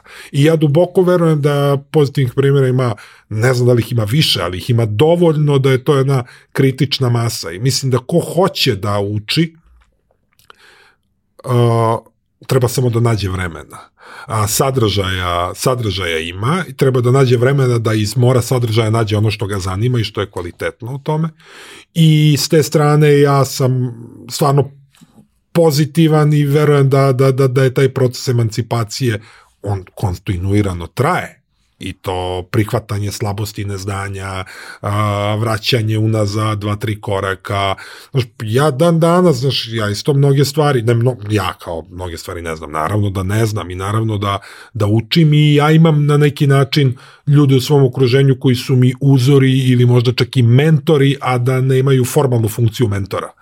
I mislim da imati kroz ceo život nekoga na koga ćeš da se ugledaš, da je to po meni poželjno. Tako da s te strane, s te strane mislim da to što je e, Dule Basalo pokrenuo i ekosistem koji uspeo tu da kreira, da on u stvari na pravi način agregira, uh, agregira i ima, ja verujem da on ima jednu centrifugalnu silu uh, koja će oko, oko svega toga da okuplja. Ne samo kvalitetne mentore, nego i kvalitetne mentije, jer su oni za par godina mentori. I oni su za par godina, ili možda već i jesu na nekim pozicijama koje čak mogu da budu i veće od pozicije od onih sa kojima razgovaraju, ali nemaju neka specifična iskustva ili neka znanja. I mislim da on, on to radi na jako ovaj dopadljiv i kvalitetan način i, i kažem ti, verujem u centrifugalnu silu toga i verujem u znanje kao središte svega toga i u jednu nesebičnost deljenja kao, kao, kao element bez koga je znanje u stvari jalovo. i jednu dobru nameru koja stoji iza svega, apsolutno. Hvala ti puno na ovom razgovoru. Meni je bilo zanimljivo, verujem da je slušalcima bilo interesantno. Vama hvala što ste nas slušali, kao i do sad sva pitanja, komentare, sugestije, sve što to ide, ostavite na za to predviđenim mestima na, na YouTube u komentarima, sve što bude interesantno, ovaj, pokušat ćemo da vam odgovorimo, naravno ako vam je interesantno kontaktirajte i, i, i direktno Milovana. To bi bilo to za ovu nedelju. Mi se vidimo ponovo sledeće nedelje. Hvala vam još jednom.